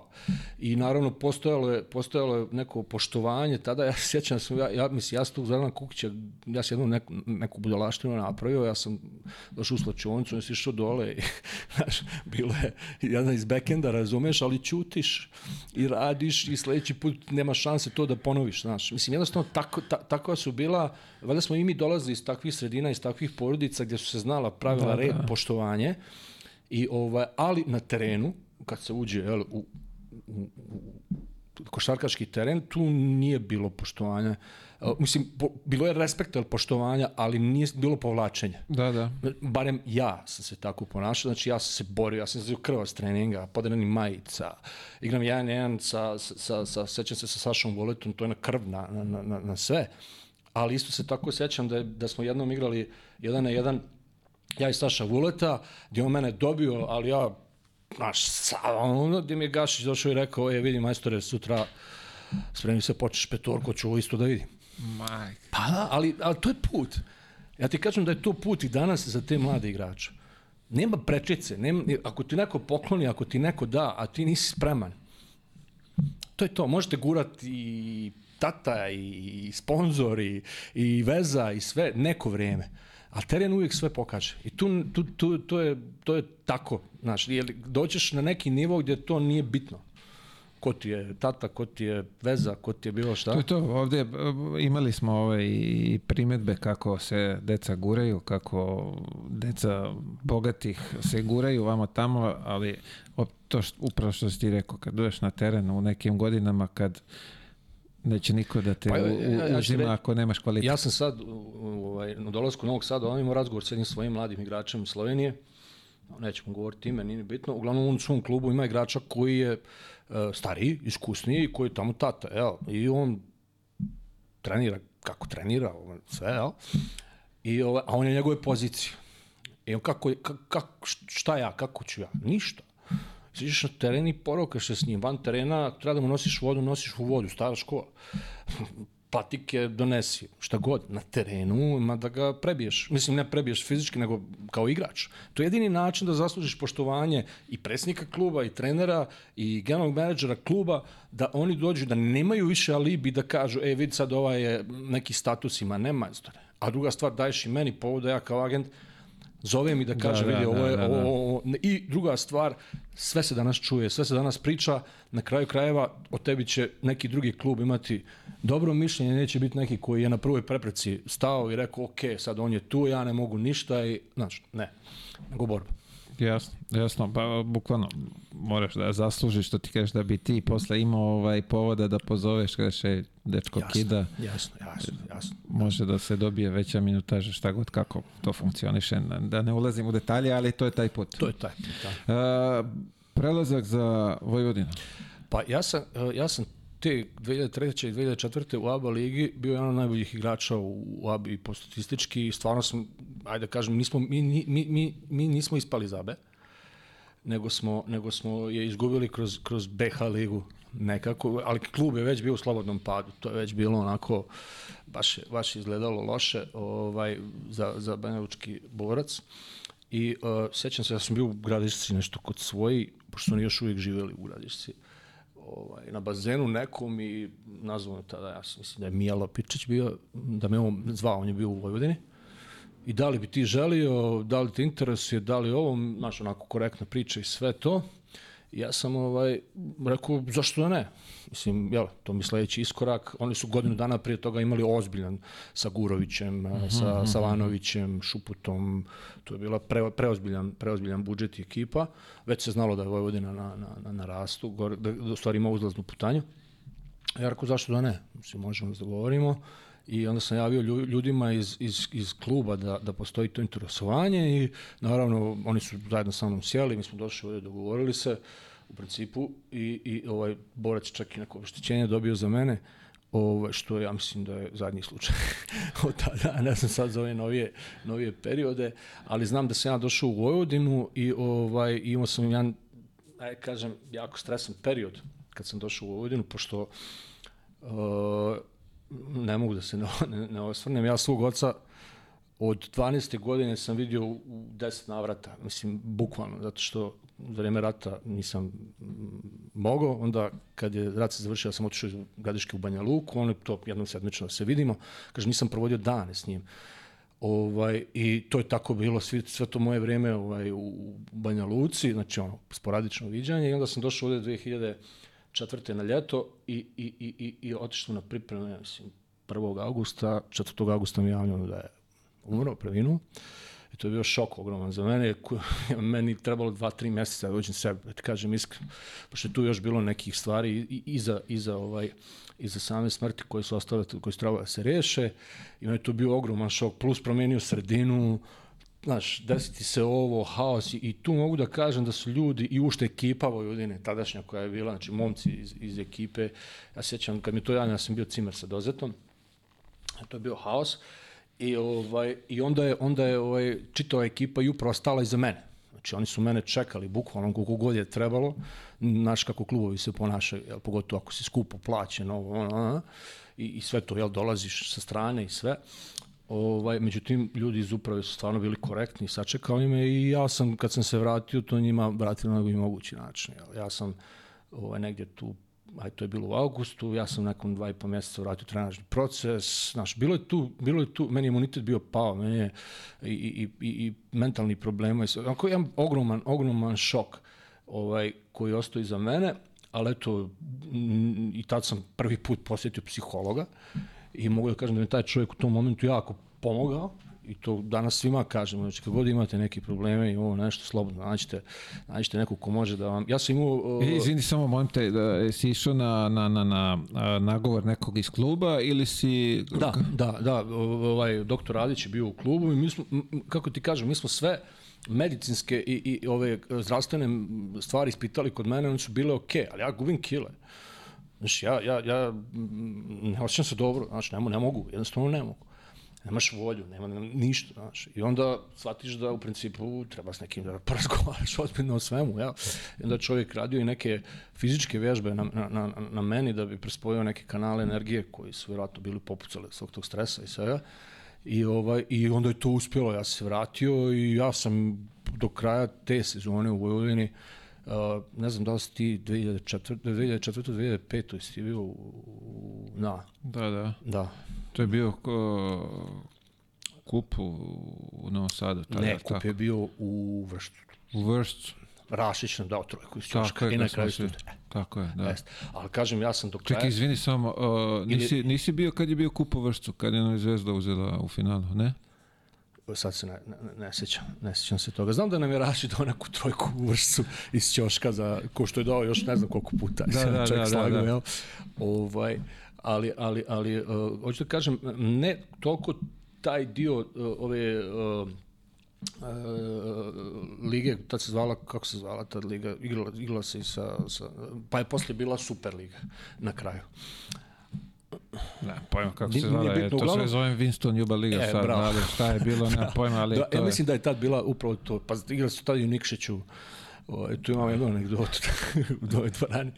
Ovaj, ali hoću da ti kažem da tu Super ligu sam ja u stvari o, o, se ja pokazao sebe u, o, u ovim okvirima ovdje. Ja se sećam prvu utakmicu su dobili Partizan u, u, ovaj, u Novom Sadu I ovaj, tu sam odigrao fenomenalno, Milan Pavković je bio playmaker, Vanja Plisnić na četiri, Dozet na trojici. Znači, dobro je, onako, Marko Šćekić je već bio došao i njega, njega su negdje na moj savjet doveli dva mjeseca nakon početka lige, jer se Saša Vukas povredio i onda nam je trebala četvorka, ja kažem ne, on se dogovori i on dođe. I tako je, jeli, krenuo i napravio i on svoju karijeru, ovaj, vrhunsku. Ovaj, hoću da kažem da smo tad dobili Partizan i sledeće kolo smo igrali, ja, to je za mene jedna od najčudnijih utakmica koju sam ja u životu igrao, iz više aspekata. Igrali smo s budućnosti u, u Podgorici, Muta Nikolić je vodio, vodio budućnost i ja se sjećam da je prva četvrtina, oni su imali Slavka Vranješa na, na visokim pozicijama i prva četvrtina mi smo dali 21 poen, 7 trojki. Od toga šest ja zaredom i Ivan Ivanović jedno. Znači, Slavko Ranjić stoji dole, Miljan Pavković igra pick and roll, oni skupe, on izbaci mi, mi to. I, ovaj, I dao sam još jednu trojku, da 30 sekundi do kraja, da prelomimo da dobijemo utakmicu. Znam da je bila, bilo ovaj, da je naš muta imao svoj show posle toga, imam konferenciju za štampu, onda on, sad si morao, sad daš. I to. I, ovaj, i, i da posle to, a budućnost je već tad nešto bilo, to je bio šareni sastav budućnosti, tako nisu bili u onom svom prime, već su bili, čak se sjećam da je Tošić bio ovaj šuter i Šekularac je recimo igrao, ako se dobro sjećam, tu ekipu, Slavko Vranješ, i ovaj i da smo da smo da da da, da u stvari toliko je bilo navlačno da oni dobiju sudije. Posle sudije bilo na nije to se ne dešava ovde to da, nije, nije. to tako priča nemoj to. Dobro nije ni bitno. Uglavnom znam da su neki pješke išli kući da su dovezeni u granice pa su preko granice prelazili zato što nisu još pogurali. Si sad da li to priča i sve to ali to te informacije su došle do nas. I uopšte generalno do kraja te sezone ali sa nama Na, te sezone mi smo tri trenera promijenili Vojvodini. Bio je uh, prvo Nikola Lazić, pa je došao Jovica Arsić, pa na kraju bio Vlado Đurović na, na kraju sezone. Ja mislim da je čak Jovica Arsić dobio otkaz u, u toku same Superlige. A da je, da je ovaj, Vlada Đurović došao, tad su nama došli Reggie Freeman i Kibu Stewart. Sećam se Vladinog prvog treninga sa njima dvojicom. I, ovaj, ali hoću da kažem da je bila odlična ekipa, dobra ekipa i mi smo se izborili za Jadransku ligu te godine. Znači do kraja uspeli smo da, da igramo Jadransku ligu, sledeće godine je Vojvodina igrala Jadransku ligu i i to mi je bila, da kažem, i najdraža, jedna, jedna od najdražih i najlepših sezona. Mi nismo imali neki tim vrhunski, da kažeš, ali smo imali vrhunsku košarku. Znači, smo imali jako brzo, tako smo i trenirali. Imali smo, kad pogledaš iz perspektive, posle šta su igrači napravili u karijeri, imali smo ozbiljan roster, ali recimo na playmakeru smo imali Duleta, Dule Đorđević, uh mhm, -huh. Mhm. ali on je, on je tad se nešto ovaj, kretuo po Rusiji i nešto nije i vratio se, on došao na probu kod nas. Znači, bukvalno došao do proba, jel? Da se ispostavilo da je jedan od najvažnijih šrafova bio poslije i svi znamo kako je karijera. Ja mislim da dan danas igra u West Evo mi je poslednja, ako sam dobro informisan da mu je ovo poslednja. da. Mislim, već je sve boje promenio, je ostario, ali, ali eto, ovaj, on je za mene uvijek bio vrhunski playmaker, znači mozak, da, da ideje, da, da, da, sve, sve, sve, sve. A rezervni playmaker nam je bio, ne znam da ti sećaš njega, ovaj Nuti Bogdanović. Kako da? E, on nam je bio tu je bio Tepa, Milenko Tepić je dola, nadolazio, e, na poziciji smo da dva bili ja i Bata Bošnjak. Ovaj, uh, on je sad imao, on je tad imao ulogu koju sam imao u borcu 2000. Znači on je počinio, ja sam 90% utakmice s klupe kretao.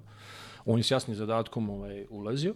Na poziciji 3 smo imali Dozeta i Bracu Miloševića, Ivan Ivanović čeki četvorke i uh, Vanja, znači preozbiljno. Golubović na petici. Šekić igrao i, i, peticu toga.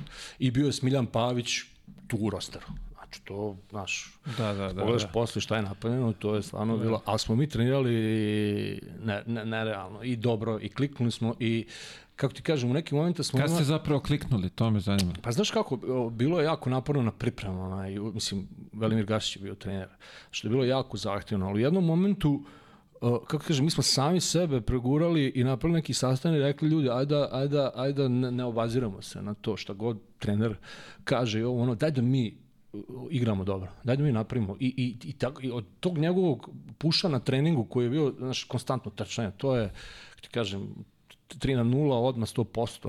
Da, znači, da, ne, da. Mislim, sve je na 100%. Ovaj, ali smo mi toliko fizički bili spremni. Ja se sjećam neki utakmicu u ABA ligi s Partizanom. Mi smo Partizan do, dobili, ja ne znam da li se Partizan za te moje dve godine jednom dobio u Novom Sadu. Puna dvorana Partizanovi navijači tu u Novom Sadu, ne, ne, ne, ne može. Ali, uh, hoću da ti kažem da smo mi imali, mi dobijemo koš, mi smo davali koš za, za, za, za sekund na drugoj strani. Mislim da smo bili te godine najbolja ekipa s najviše poena u, u, ABA, u. ABA ligi. Mislim, od vas smo izgubili. Jesi ti bio u FNP ili si otišao? već? Kad?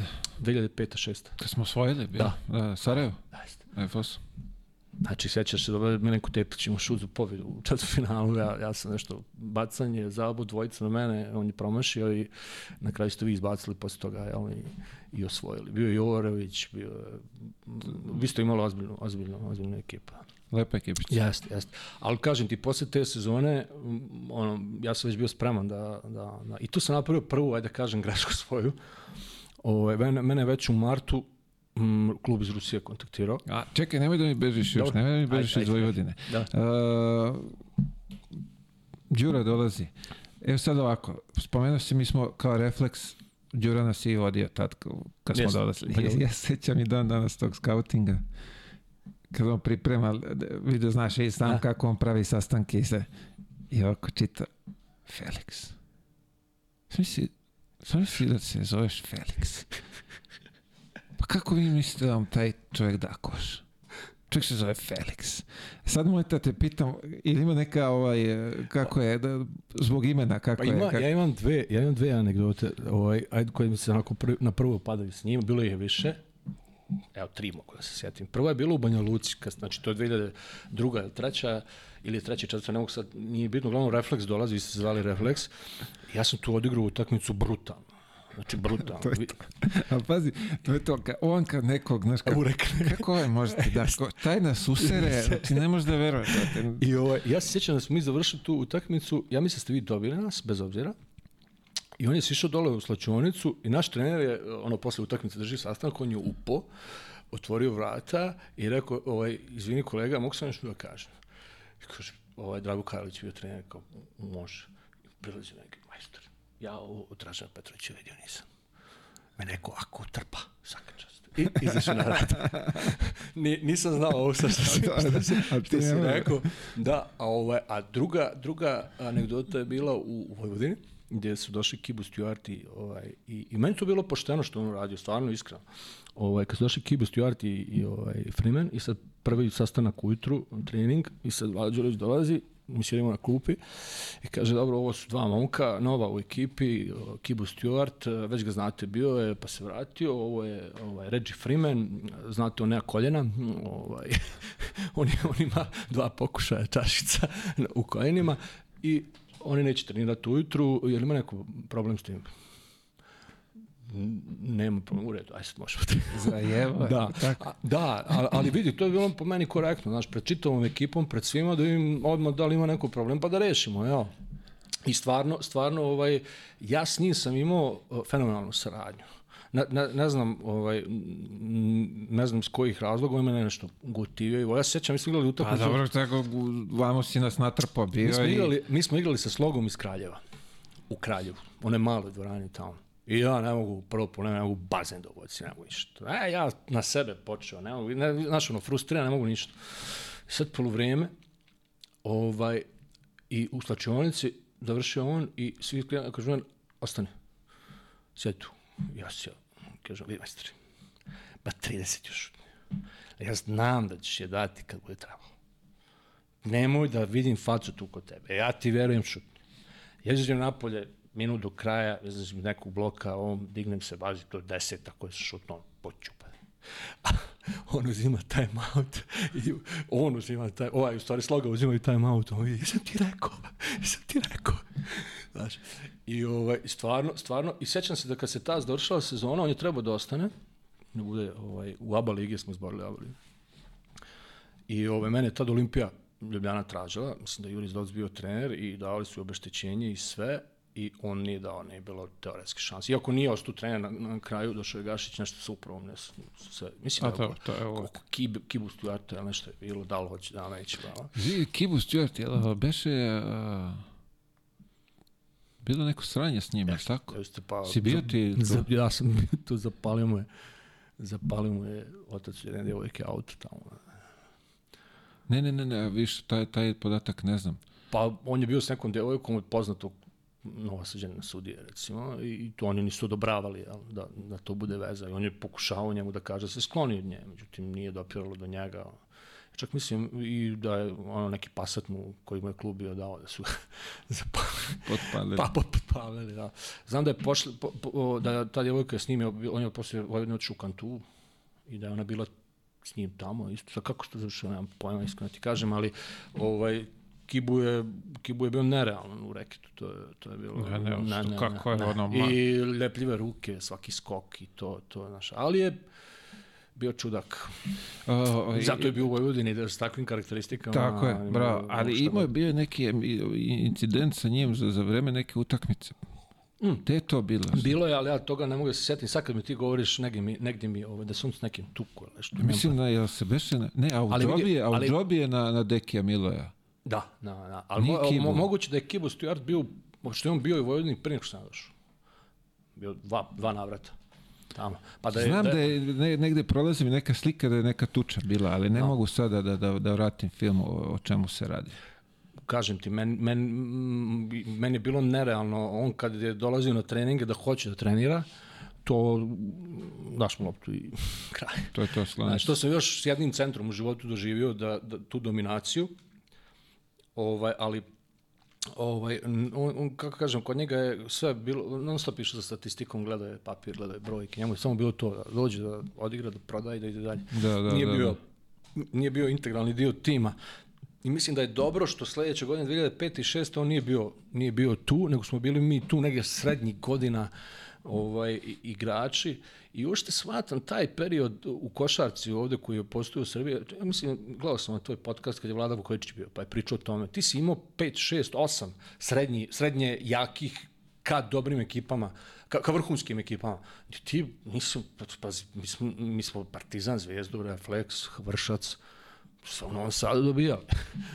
Nisi mogu da dođeš ti ko sad Da, u Novi da, da. Sad i sad ovu Vojvodinu 50 razlike, recimo. Znaš, kad god naš spolon, znaš, to je bilo ozbiljna koša i mislim da ona gurala, gurala sve ka gore.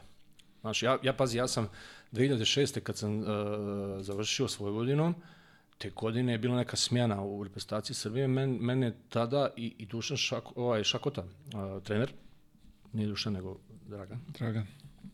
me pozvao i rekao da, da ću biti tu na širem spisku što je za mene bilo, wow, pošto nisam prošao nikakve mlađe kategorije, ništa, kada je krenuo, znaš, bilo je, međutim, isto vreme sam dobio poziv reprezentacije Bosne, ovaj, od Nenada Markovića, gdje sam dobio garanciju da ću biti igrati 30 minuta i sportski sam se vodio, jel? Ja sam Šako ti zahvalio i rekao, sve super, sve okej, ali ovamo sportski, a opet 2005. sam igrao za reprezentaciju Srbije na univerzijadi uz obraz, tako da i tu imam. A bilo je tu nekog, i bilo je u, u kako možda se to pređe, nemam pojma, ja znam da je neka... Ne, ne, univerzijada nije, univerzijska reprezentacija nije zvanična. Ne To- se. Da, ne se tako. Mi smo tad išli ko Vojvodina u izmjeri i to je bilo savršeno iskustvo. Ono. Tu smo bile pripreme, nismo imali pripreme nego univerzijada. To se nama desilo sa, sa FNP-om. I tu, su, tu smo da, to kliknuli, je- tu smo i kliknuli na tu A, univerzijadu. U, ima si ti dobre sa igrače, to verujem da je Da, vidi, atmosfera vr- vr- i vrhunski- zajebancija da, bila na, na, na da, nivou. Ne, to je, to, ja, ja kažem, svi ti momci koji su igrali u Vojvodini te godine, o, mi smo svi dopunjavali jedni drugi, jako malo je sujete bilo. Ušte nije bilo, kažem ti, dali smo ogroman broj poena svaku utakmicu, igrali smo brzu košarku i kad igraš tako, onda ima prostora za sve. Svi su znali svoje uloge, prihvatili ih, i mi smo samo rasli. Znači, mi smo bili generalno 30-40% bolji od onog što smo bili na papiru. Mi čak, pazi, e, e, mi smo računali, mi smo završili te godine šesti u Jadranskoj ligi, a da smo imali još jednu pobjedu, bili bi četvrti. A ne znam da se sjećaš, te godine Gurović dao u Novom Sadu trojku tablu sa, sa, sa, sa pola terena za pobjedu, iz auta. Ne sjećaš se to? Ne. Amo, vjerojatno se on sjeća. Ču u Novom Sadu puno dvorana, igramo, lomimo i čitavu utakmicu Zvijezdu, znači dva razlike za nas, oni imaju 0-8 imaju sa strane. I ne znaju kako da izvedu loptu, daju njemu, on se okrene ovako i baci ono, u tablu i uđe i kraj utakmice. Znači, eto, tamo ta je jedna pobjeda, a bilo je još neki gdje smo gubili, od dva smo izgubili u Novom Sadu, Ovaj, Marina nam je dao, Malina nam je dao s jedne noge košu zadnje sekunde u isto. Tako da, ali dobro, negdje smo i dobijali sretno, Zagreb smo dobili tamo. Dobro, negdje- to se sve negdje, negdje ovo nikad, izneveliše se, vrati se. Da, da, tako da, tako da kažete, ta, ta ekipa ove godine i uopšte ta sezona meni... Te godine uh, dozet s vama? Jeste, jeste. Ja sam bio s Dozetom dve godine tamo, Vanja Plistin dve godine, Miljan je bio prve godine, drugi nije, Pavković, Šćekić dve godine, Ivan Ivanović isto. Neke anegdote iz... Joj, to Vidi, poznavajući to je- dozeta, tu je... Što je pa to je non stop, non stop šega bila, mislim, mi- kako ti kažem, toliko toga je bilo, sad jedne se sjeti, nije, ni- nije, nije, nije, ni lako, znaš, ali sjećam se, sjećam se, ovaj, e, ti s Vanjom igro i da, Tako je, da. jeste, jeste, ovaj, mi smo bili na nekom turniru u Banja Luci, a znaš da je Vanja, ovaj, nakon onog što mu se desilo, pa je bio jako okrenut prema, prema crkvi i sve to, i mi smo bili u Banja Luci pripremni turnir, i ovaj, doručak, igrali smo uveče i sutradan imamo utakmicu ujutru. Znaš, ono vezuješ uve, veče prijateljske, pa veče ujutru. Znaš. I sad spavali smo u nekom hotelu, odila smo uveče utakmicu i Vanja zapali iz, iz ovaj, hotela u, kako se to zove, tamo negdje kod, od Bihaća pa dole. ne? Tako je, da, znam, o čemu E, pričaš, ne znam, E, ne, ne znam. On je tamo donirao njima i neko zvono veliko, crkveno i ovo ono sve. I otišao je tamo kod tih monaha da se, da se javi njima i da provede s njima s noć. Naravno, ovaj trener, ne, Gašić, trener, ne zna ništa. Znači, ti Vanja nama tvrdio da će se on vratiti ujutru do, do doručka, jel samo ide do toba i ujutru doručak ne, nema Vanja. I sad, doručak se završio, sastanak. I ovaj, kako ga, Ga- Gašić ima ovaj specifično, alo Burazeru, gdje vam je ovaj vaš kapiten? Vanja je bio kapiten. Znaš, mi niko nema... Niko ne zna gde. pa Nemamo predstavu. Hoćete sad svi da budete kažnjeni zbog kapitena, a? To ćete da dozvolite sebi. I onako, znaš, mi, š- ni, niko nema pojma, ne, ne, ne, ne, šta se dešava. Dobro. Zapamtit ćemo. I sad Vanja se pojavljuje pred samu utakmicu, dovodi monahe sa sobom. Da. I ulazi u dvoranu i, dolazi, alo brzo, gdje si ti pošao? Pa kao utakmicu. I okre, jel mislite vi da ovo može ako treba? Znaš, kad se šokira, nemaš. Da, da, da, da, da. I ovo, ne može Burazer. I nisi više kapitan. Da. I tako bilo je, bilo je u toku sezone isto razni, razni, ovaj, razni, uvijek je bilo sa Gašićem. Znaš, mi smo imali u, u, u kako se zove, u Velikom Spanjskom smo trenirali. Imali smo termin, ovaj, kako se zove, od, od recimo od 11 do 1 i u 1, pošto Gašić je bio jako zahtjevan i prema ljudima koji rade u sali. Znači ovim čuvarima i to. Uvijek je bilo produži, produži, produži. I, ovaj, I od 11 do 1 e, radimo i 15 do 1 šuterski, kao aj sad šuterski možeš šutirati ovo, ono u parovima lagano i to. I u jedan majstori Gasi gasi svjetlo, ali pazi, Spence veliki, to je ugašeno svjetlo, ne vidiš ništa, nema onih prozora i to. Sam čuo želeć, alo buraš, a on pomoćnik, idi reci ovom idiotu tamo, ako ja dođem. A mi svi sta, šta vi ste, šutiraju u mraku. šta ću, šutiraš mraku, šta, mislim, znaš, i tako, eto. Ne znam, onda smo radili ona, onu vježbu, to je bilo, to je bilo ubijanje, ovaj, tapping na tablu. u velikom Spensu. imali ste Znači, izaći u hodnik tamo i to. Ja znam jednu anegdotu isto, uh, sljedeće godine je bio onaj, kako se zove, bio je centar ovaj jaki, on je bio u Atlasu prije toga. Golubović? Ne, golubi, nego, nego uh, ovako žu, žuću kosu je imao. A, Lekić? Bravo. Lekić je bio radili su taj Kako beše Marko? Ne, ne znam. Nije ni Mislim da. Ivan Ivanović je bio kapiten, ja i Vanja smo otišli, to je sljedeća godina. I ovaj, radili su taj taping na tablu, međutim on je došao čovjek prehlađen, bronhitisom, ono, našao naravno kod njega, ova, kakav bronhitis da ne treniraš, slušaj, ima da probiješ i da treniraš. I radili su taping i on čovjek ne može da trči, znaš, ovaj, odlazi tamo nazad, on ne može da, na, na sto puca, jeli red na, nje, na, na njemu, znaš, i onda gaši zaustavi i kaže, alo, bre, buraz. A naš koliki Lekić bio, on, kaže, Ivanoviću, kapitan, Alo bre, kako možeš da gledaš ovo sto puta se vas? Alo bre, pa udari mu ša. Kaže Ivan, udari mu ti. I to je naravno. svi, da. Udari ti ako smeš. Znaš, ka- kako smiješ, znaš, i tako. Ali kad to sve bile, kako ti kažem, ništa to nije bilo loše svaćeno ili loše, loše, ovaj, znaš, te sve anegdote sa, znaš, imao je Gašić svojih smiješnih, kako kažem, stvari, znaš, kad nešto, znaš, dođeš na trening, ne ispo, alu burazeru, ko da si jebo siroče, znaš, i tako, znaš, i tako te, znaš, ali ovaj, sve to bilo da se malo opusti, ovaj, da se malo opusti atmosfera i da se, da se malo, ovaj, iako je stalno stop je sve bilo zategnuto Da, da, i da, vruće, da, da. jeli. I o, o, ja se sjećam da recimo Vanja, Vanja nije mogao podnesi te Plisnić, on nije mogao podnesi taj, taj način rada, ono, iako je igrao najbolje, tad i prodao se, posle toga otišao u stende i dalje sve, ali, ali, ali ovaj, nije mogao da, da, da trpi puno, da s njim bilo puno priča, ajde majstor, ajde, ovo, ajde, znaš. Da, da, Vanja nije, nije taj tip, ne može da... Pa nije on, Vanja više da, da je dobar s njim. Znaš. A, a, a što srećemo se u Novom Sadu i to i viđamo se i onda on tako vraćamo te sve. On kaže, ja sam uvijek imao neke sadiste. Tako da, eto. A dobro, bilo je i u Železniku kad je bio isto je bilo tih ovaj, I, momenata. ja se sjećam, ja se sjećam da, je- da smo imali ovaj kako se zove pripremu s vama kad smo igrali sa, sa FNP-om Vlado Đurović. Sad Vlado došao iz iz FNP-a došao je kod nas, jel? I sad priprema i sad on kaže sad isto je kao, kao Krstović. Ne mogu sad da, pokazujem šta je pokazao, znaš. Ali ovaj, Savanović, krenuti, Vanja, čekaj. Pa ovo je pr- prošle godine, on, on je pitao Čika Vanja, ali mogu da ti dodajem loptu? I sad on treba te da da koš. Pa onda ovaj, ne znam, Bubuljičavi, kako onda ti da koš? Pa opa, znaš, To je tako- to, to je to, Znaš, da. to, to, to, To je to, da. U stvari, on je, on je, on jeste imao psihologiju dobru. Pa nekako to je ono, ajde, op, Opusti. opustiti, Jeste, kao, znaš, kao, jeste, u fazonu, mislim- znaš, kao, da ti dokaže da ti približi da nije bolji od Ja tebe. ne, ja, ja ne znam, nisam čuo igrača koji su bili kod njega ili da su igrali sa mnom i ono, da, da nešto nisu za njega htjeli da igraju ili, znaš, ono, ili da su obstruirali ili bilo što. On je nekako kroz tu budio da ti stvarno izađeš uvijek i daš svoj neki neki maksimum. I volio je, volio je igrače sa, sa, sa karakterom, sa, sa hrabre, znaš, ono, da imaš herca, da, da, da šutneš, da, znaš, ono, nije volio, ono, znaš, ono, gnjeta, tepu nije mogu. Recimo, znaš, tepom uvijek, znaš, tepa uvijek glava lijevo ili desno i uvijek miran i uvijek opušten, znaš, ono, Ne, on je voleo, on je voleo te lupam koji su mogli nešto da urade drugačije od ostalih. jeste, jeste, jeste. se sećam nekih polaganja na tablu. Pa to je sad nešto, ideš pa druge, pa, na, pa ko to može? O, tamo.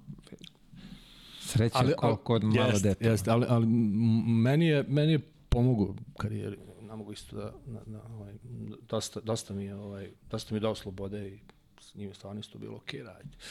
Nisu bili ni blizu treninzi intenzivni ko, ko. Ne, ne, kod njega je baš. Da. Vidi, I mi smo uživali vamo dok je bio u železniku. To je tako bilo onako ste igrali dobro, vi zanimljivo, ste igrali lepo. dobro, vi ste igrali, i on je, on je tad pravio vrhunske rezultate, pazi, s leto srita sam tamo, je.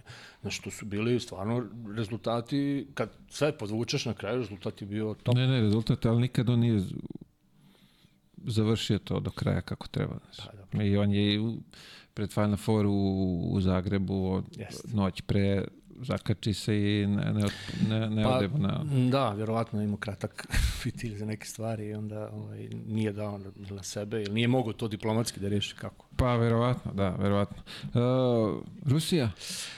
Za, I to, to sam ti, ovaj, u martu me već bila kontaktirala uh, ekipa iz Rusije i, i čovjek koji je to tada radio i on, on je dolazi u Novi Sad i ja sam znao da je oko mene hype neki, znaš, i znao sam i bilo je tu neki priča i, i ovaj, za Partizan i znam da me, da me ovaj, čuo sam od, od Gašić mi je rekao da je, da je tada upravo Partizana i trener da su, da su ovaj. Međutim, to je bilo nešto vezano da li će Tripković otići, pa da li ću ja doći, a, pa onda Tepić, da li će preći ili neće preći, pa obeštećenje, pa ovo, pa ono, a ja sam požurio. Kažem iskreno s tom Rusijom sam požurio, ovaj, iako je to finansijski bilo stvarno, u tom momentu nisam ni blizu mogu, čak ja mislim i posle da sam sačekao ne bi, dovo, ne bi dobio i ne bi tako finansijski prošao. Iako izbor ekipe, trenera, grada i sve je bio katastrofalan. To nije ni blizu kao što je sada. Znači, mi pričamo o 2006. godini, odlazak u Samaru, oni su meni ljudi 30% igovora dali, evo, pri samom potpisu u martu. I, ovaj, I pristali su, ja sam tad igrao za prestaciju u Bosni da me sačekaju da završim, to mi smo igrali te godine ovaj, na menorci, one do kvalifikacije pred evropsko prvenstvo i sve, znači ja sam tamo otišao ne znam kad. Ali tad se desila moja prva greška u smislu da, da, da ja, sad ja ne mogu da procenim da li sam ja, da li ja nisam bio dovoljno dosadan i ljubopitljiv, da, da ispitam sve, ovaj, šta se dešava tamo, ili je taj čovjek koji mi je radio taj posao nije bio dovoljno profesionalni kompetentan, znaš ako u transferi idu, ovaj, da mi kaže gdje ja idem i šta mene očekuje tamo. Znači, ja sam otišao tu sa Maru, trener je Tihonenko, Valeri, dolazim tamo, uh, Omar Kuk je bio playmaker i bio je na četvorci još jedan Amerikanac i Rusi. I dolazim u grad koji je 40 km širok, gde ti treniraš u jednoj hali, uh, vojnoj, pošto je sponsor kluba je bio VV Samara, vojn, avijacija ruska, ovaj, koja je u kasarni, znači ta dvorana je u kasarni, mi smo tu pored imali, a igraš na drugoj dvorani koju ni ne treniraš pred, pred, pred utakmice, koja je a, hokej dvorana Samare i ti igraš na ledu. Znači parket na led. Zamisli koja temperatura mora bude u dvorani, a vamo, vamo je prevruće u ovoj kojoj treniraš, koja, da, bi, da led se ne bi utopio. Znači, to su neki nemogući uslovi. I sve je drugačije, pazi, na ledu postavljeno, mislim, znaš do toga da su treninzi obrnuto znači diametralno suprotno od onoga što sam imao u Vojvodini kod Gašića, dolazi kod Tihonenka koji njega čovjeka to nešto nije puno interesovalo da se trenira, da se puno radi. Što tu podijeli neke uloge i sve to i, i u principu to je više bila biznis priča nego sport priča, košarkaška priča, gdje sam ja bio kako kažem, polušlogiran od onoga što sam vama imao i, i naš sam naviku godinama na našoj školi da dođem to tamo. Uh, naravno, uh, ja sam došao kasno, ovaj, Omar Kuk je već bio tamo, ja sam došao tamo, mislim, to, to, to sad kad kažeš nekom, to možda sad ne može da se desi. Ja sam tamo došao s djevojkom, s psom, sedam kofe, koja ću ostati 15 godina tamo, ja? u Rusiji. A došao sam u gradu kojem niko ne priča engleski, ja se prvi put susrećem sa ruskim, gdje živimo na, s tim amerikancima, gdje sve ideš autom, znači imaš vozača, nemaš, nemaš, Uh, ja se sjećam da je u tržnom centru jedna uh, i bila Mac, uh, Apple-ova radnja, niko ne priča engleski. Možda misliti koji to level. Znači ti nemaš nigdje, u 10 uveče je gotovo, kraj, nema, iz, znači onako baš, baš surovo, a ja ne pripremljen na to. I naravno putovanja koja su tada bila, enormno, mi smo leteli vojnim avionom, znači ovim prilagođenim, malo izbačeno sjedište unutra, čak nisi se penjao u njega, ono ovako ne stepenice, nego ove, znači, ono, baciš turbu gore, pa se veruješ. A, mislim, znaš, i onda taj, taj vojni avion, on, on, on, recimo ti letiš u, u, u ovaj Vladivostoku, mora tri puta da sleti da bi nas ugorivo, da bi, da bi dobacio tamo. Znaš. Jedino što je to, on ima, ima napred onaj špic, pa je možda nema toliko turbulencija i ovo ono, znaš, ali kaže ti sve miriši na vojsku. to nije bilo municije, granata, ne? Falilo je, ali to je to, je. I onda ti letiš u Surgut, letiš u te, znaš, to po, po, po nemate tri dana, znaš, o, znaš o, o, pre, pre, preozbiljna putovanja i meni je to bilo totalno drugačije, ja sam krenuo mentalno, znači nije bio problem uopšte ni igramo, ja, i ok sam se ja tamo i uklopio, ako su već karte bile podeljene na jeli, Omara Kuka i ovog, ovog drugog Amerikanca, nije to bio problem, što ja nisam mogu. Znači, jednostavno, znači, i devojka koja je došla, koju sam de facto ja poveo u ponor, jel, mentalni ponor, nema, nemaš s kim da se družiš, nemaš ništa, jel. Ja sam trebao da odem tamo sam i bez ičega, da kupi sve što mi treba tamo, mislim, bez kera, bez ičega. Onda sam ja ovaj, pokušao da se izvučem odatle, uh, Tihonenko nije teo da čuje u prvom momentu, bilo čak čovječe, ono, još jednu platu, šta je problem, znaš, ono, ne čovječe, ne. Pare nisu problem. Da, pa, mislim, to je, to, znaš, znaš kako to izgleda, ti sad sjediš u nekoj sobi i, pazi, u, u, verovatno su ti već neki pričali kako to izgleda u Rusiji. Ti ulaziš u zgradu, ti imaš troje blindirani vrata. Imaš vrata dole blindirana, pa ispred lifta blindirana, pa na tvom spratu imaš blindirana do svojih blindiranih. Znaš, mislim, to kad vidiš onako, znaš, nije, nije ti, plus je hladno, ja sam imao Labradora, ja Labradora pustim u novembru da, da, da, da neće da ide napolje, brate, minus 25. Neću, znaš, mislim, onako sve surovo i, znaš, i nije to, to je da odeš tamo, odradiš, igraš, prihvatiš ta pravila koja jesu, zaradiš novac i ako možeš to, ostaneš i to je to, prihvatiš, ali da, da ideš tamo da kao baziraš neki naš život i on, mislim sad ono što će ispričati posle što dolazi, da viš koji su to absurdi, jel? Znači ima novaca, ima svega, trener ok, ekipa ok, pravi Putujete svoje... vojnim avionom. Da, putujemo vojnim avionom, znaš, i onda, onda ovaj, i nisi zadovoljan. Ja sjedim u stanu sa novcima i nesretan. Jer, pazi, nemaš ni jedan ni potrošiš. Nešto je bilo naj, naj, najžalosnije. Evo. Ali, ovaj, znaš, to, tad još nije bilo interneta. Tad je to tek kretalo ono možda Facebook nešto ili, ili ne znam, čak nije ni Facebook. Ne, ne, Skype je bio. Da, nešto. Skype. Da, Skype-om si pričao i to je bilo čudo. Evo, znači, tako da si bio odsječan iz te strane, ono, znaš, i, i, i onda ovaj, na kraju se ja postao bezobrazan tim ljudima tamo, što nije mi na, na hvalu i na čast, ali ja sam morao otići odatle. Znači, bukvalno sam počeo pravim budalaštine da me pustili, na kraju su me ostavili ispred aerodroma, kilometar ispred sa sedam torbi i kerom i devojkom, da smo ljumali u četiri ujutru, onako iz vojnog nekog kamiona me izbacili, zaslušio sam.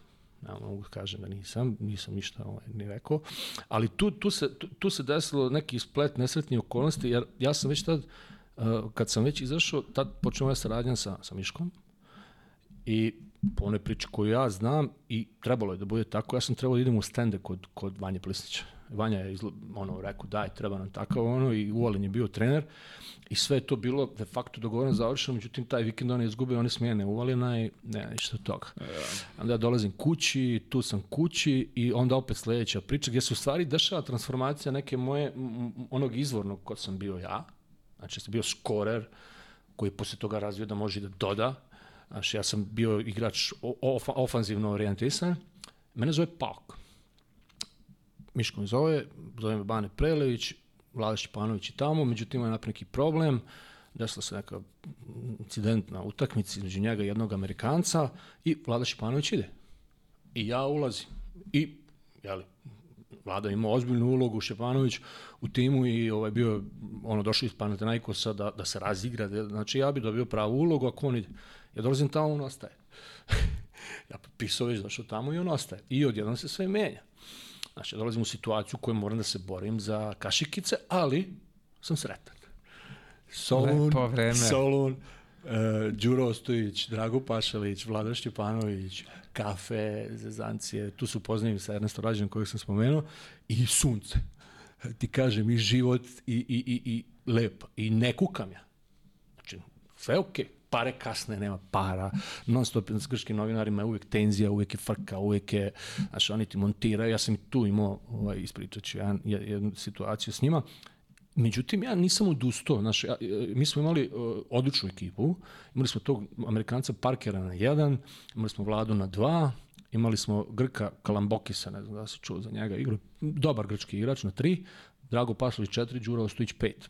Znači, dobra ekipa, međutim nema para i već tu padaju jel, tonus. I ja na treningu igram odlično.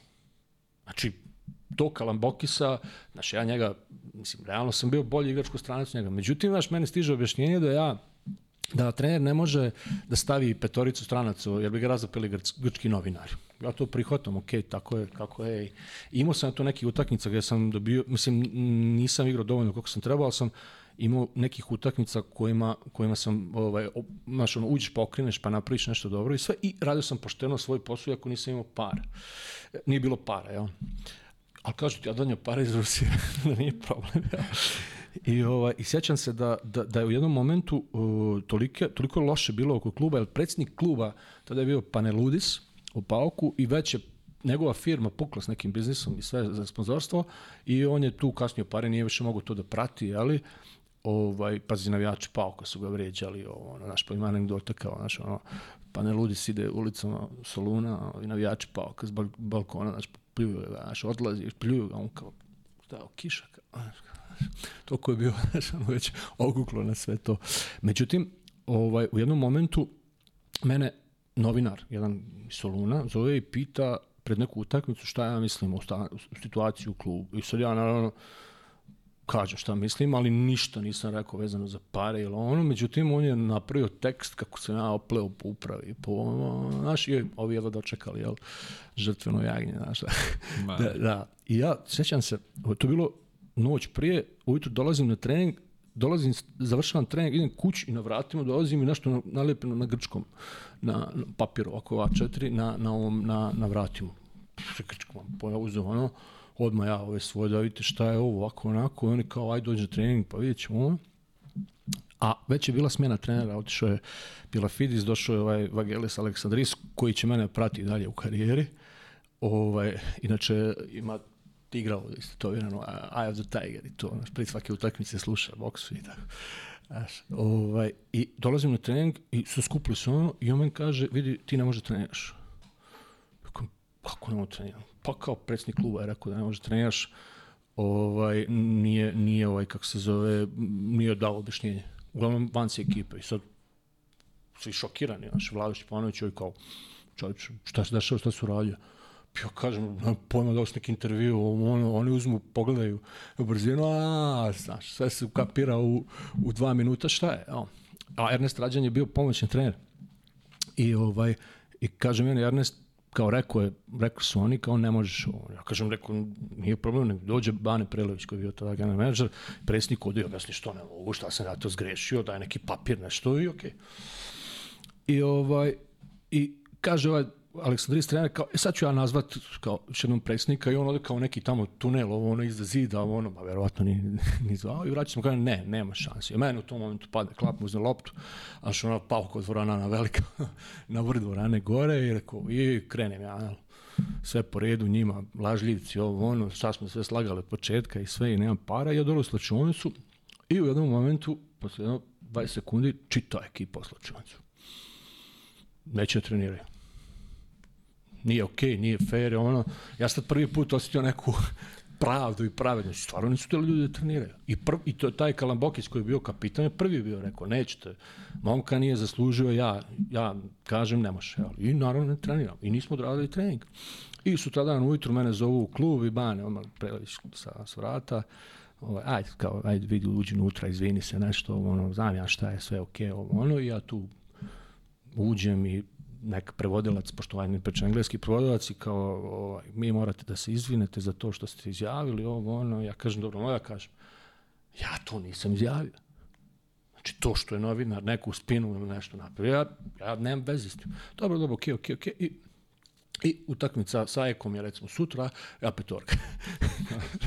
Znaš, Ti mora sranje da se napravi. Ajde, vidi. Ali hoću da ti kažem, e, i tad je već Vlado je već bio umoran od njihovih laži za pare, za pare i za sve to. Onak... Avrio, a? A? Avrio. Avrio, da, Ligo Avrio. Znaš, Avrio, Ligo Avrio, malo sutra.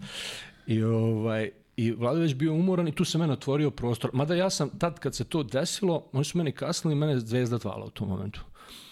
Znači, Zvezda htjela da dovede Kibu Stuarta i mene, ja koliko sam čuo, to su Šakoto i Gurović htjeli, iako Zvezda nije bilo tad presjajna situacija sa svim. Ovaj, međutim, tad sam, tad sam isto imao jednu anegdotu, to veče dolazim na trening, meni kasne tri plate, recimo ovako, kad sam došao nisam dobio ništa, evo, i prilazi jedan mali, e, ja ga zvao Bob Rock, onako izgleda kao Bob Rock iz Alan Forda, on je bio tu neki lokalni, nije ekonom, ne znam, kao između uprave i ovo ono, u stvari bio čovjek od tog pa ne ludi se. Tako se tu uvijek pojavljivo za, da, znaš, i on ulazi dole i kaže meni, izađi napolje iz slačionice, znaš, ja izađem i on gura mi platu u kešu, gura mi u džep. Jo, no, šta ti je čovječe, ono, znaš, pa, mani, mani, pare. ja kajem, čekaj, moram, znaš, ja miška, nazovem, koja ne uzimaj ništa, ideš u kraj, znaš, gotovo, znaš, ja kao ništa, znaš. I on ode, vrati se gore i sreće mi na izlazku iz treninga, sreće mi Bane Prvoć, ti si jedini lik koji nije uzao pare od Grka. Putalo je, uzimaj šta. I, ali hoću da ti kažem, do kraja, ja sam svoj posao odradio korektno, Vlado više nije igrao. Mi smo igrali play, u play-offu, smo igrali, išli na Olimpijakos, I to je bila, to je bila isto jedna od, od ne mogu kažem anegdota, zanimljivih priča. Znači, nema para, nema ništa. I prvu utakmicu igramo sa Olimpijakosom u njihovoj dvorani ubili nas, znači tipa 30 razlike. I sad oni dolaze kod nas i mi na polovremenu vodimo. Znači nas tu ostalo da igramo, ne znam koliko od ekipe vodimo, i predsjednik šalje poruku, nam slučajno ste dobili. Pa 10.000 eura je put do Atine, troškovi ovo. da. I dajete, ne, mi dobijemo utakmicu. I ja se sjećam da je Peđa Stojaković dao novac da, da odemo, da odigramo tu četvrtfinalnu treću sa Olimpijakosom i tu smo izgubili zadnji minut, tipa pet razlike. Mislim, dobro smo se, dobro smo se ovaj borili. Čekaj, Peđa je platio put ja, da odete mislim, ja, da... Do mene, ja, ja nisam to naš vidio, ali ta, ta, informa, ta informacija, ta informacija došla da je on, da je on dao novac da se, da se ovaj inače Peđa ima dole u Solunu uz, uz, uz obalu ima restoran i ovaj znam da voli Paok i da, da, da je veliki tamo znači vrlo je moguće da je da je to da je to urađeno tako ali eto kažem ja sam stvarno to odigrao dobro te, te tu polufinal tu četvrtfinalnu seriju I ovaj, završila se ta godina tako kako je bila. Bil, kažem ti, sad ja ne mogu da ne, ni da tvrdim da su moje greške, ni tuđe greške, ali mi je to negdje bila prekretnica u karijeri sa tim nekim, ja sam već tad, znaš, već, već 27. 28. godina, znaš, naboju snage, a nalazim se u pogrešnim klubovima, u smislu, znaš, borim se s nekim stvarima koje, koje ja nemam kontrolu nad njima, ovaj, ali sam se i borio dalje. I onda sledeće godine prelazim u Marusi, tamo je Darko Rusa, i tu sam imao opciju da se, tad je Bosna bila u Sarajevskom hajpu, igrali su Uleb kup. Oni su me zvali, tad sam bio u reprezentaciji to ljeto Bosne i Marusi i da sam pogrešio, nisam pogrešio, nemam pojma sve ti kažem, ali izabrao sam Marusi. Iako mi, to su mi najljepše godine karijere i života, ta, ta Grčka i taj Marusi. Te godine smo, to, to, ja sam došao tamo, Darko Ruso je bio trener, ovaj, ja sam ga cenio oko trenera, u smislu i prije toga što je radio ono, i, i to je i dan danas tvrdim jedan od, od, od najboljih trenera u smislu treninga, efektivnosti, postavki i svega, ali isto tako uh, znam da, da, da u, Grč, u Grčkoj kad radiš kao strani trener, ne možeš doći u situaciju da njima kontriraš pomoćnicima i da, da budeš moraš biti veliko vidiš evo šta se dešava i sa, sa, sa, sa, sa Radonjićem i sa svim ovim trenerima dole. Nije lako raditi dole.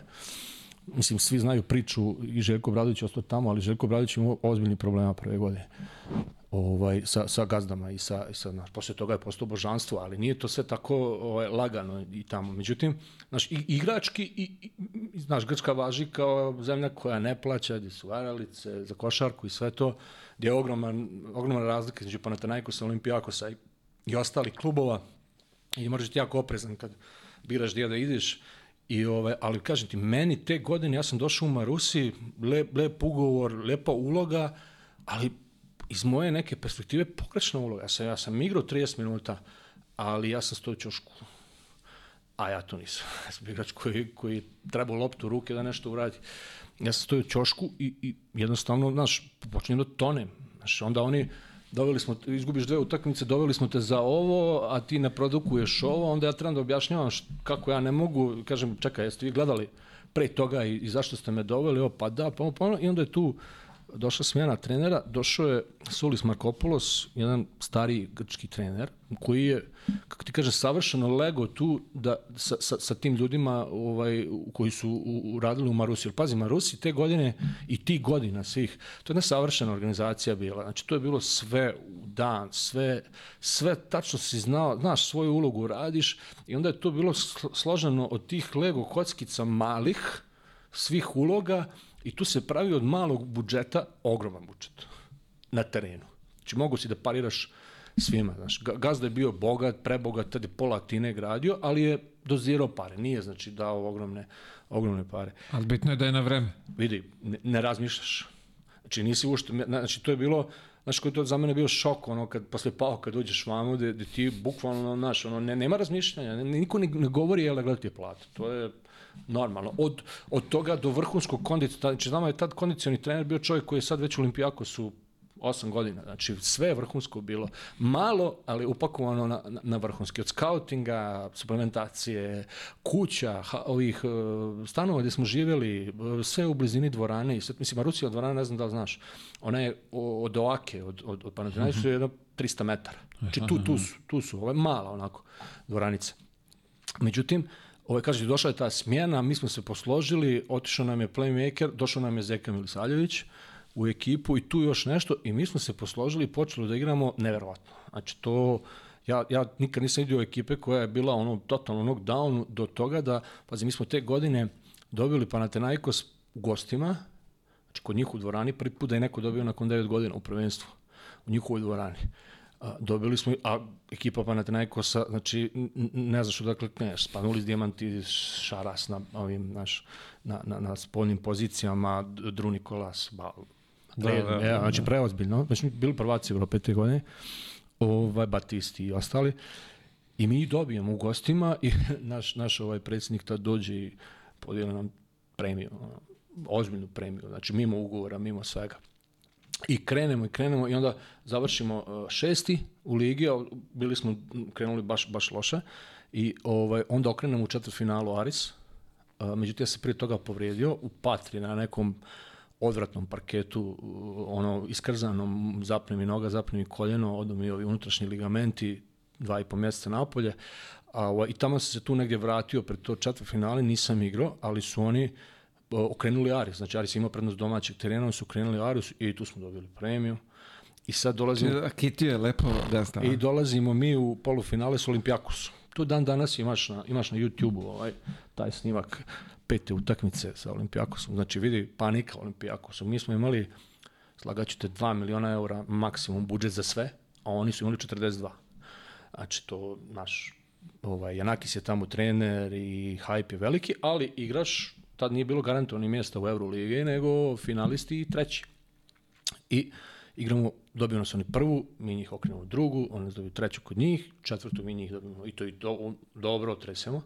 Peta utakmica u njihovoj dvorani, 64-63 se završi za Olimpijakos, Zeka Milisaljević, šut koji uvijek daje, znači u, u, u, u levu stranu iz dvokoraka, bacanje nazad šut, on šutira, kaže ti imaš na YouTube, ovako lopta dva kruga, preko koša isturi.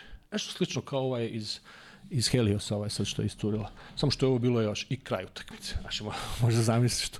Međutim, naš predsjednik dođe i kaže za herojstvo i borbu premija. I za to premija.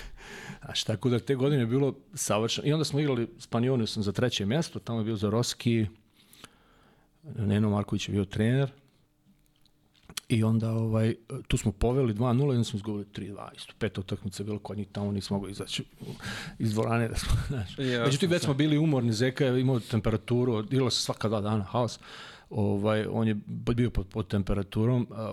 Bojan Bakić je došao kad sam se ja povrijedio. Uh -huh, uh -huh. On je bio ovaj, zamjenom isto mene i on je igrao tu i ovaj i nismo mogli fizički da izdržimo Panionius koji je ono izgubio Panathinaikos lagano bio odmoran mi se vamo raspali znači ono I, ali smo dobili premiju. Ali bitno je da je gazda. Da, da, gazda je stvarno to. Ja sam tu, ja kažem, opet sam imao neku nesreću u karijeri. Oni su meni prije povrede nudili da produžim ugovor. Da ostanem tamo. Ja sam tijelo. Međutim, ja se povredim, onda oni znali povreda ovo ono. Međutim, kao, jel, po, po, po uvijek, ovaj, kako se zove, završila se sezona, ja sam imao te neke malere, ovaj, završila se sezona, oni me ljudi kažu, vidi, ostaješ 100%, trgovarat ćemo mi sa, sa, sa, ovaj, sa agentom tvojim, ostaju stvari, nik, nik, znaš, vraćaš u isti stan, ovaj, ja tamo, oni promeni generalnog menadžera, ovaj, dođe čovjeka koji dobio otkaz u Olimpijakosu, oni ga dovedu s generalnog menadžera, taj generalni menadžer baš nije bio s mojim agentom to tako.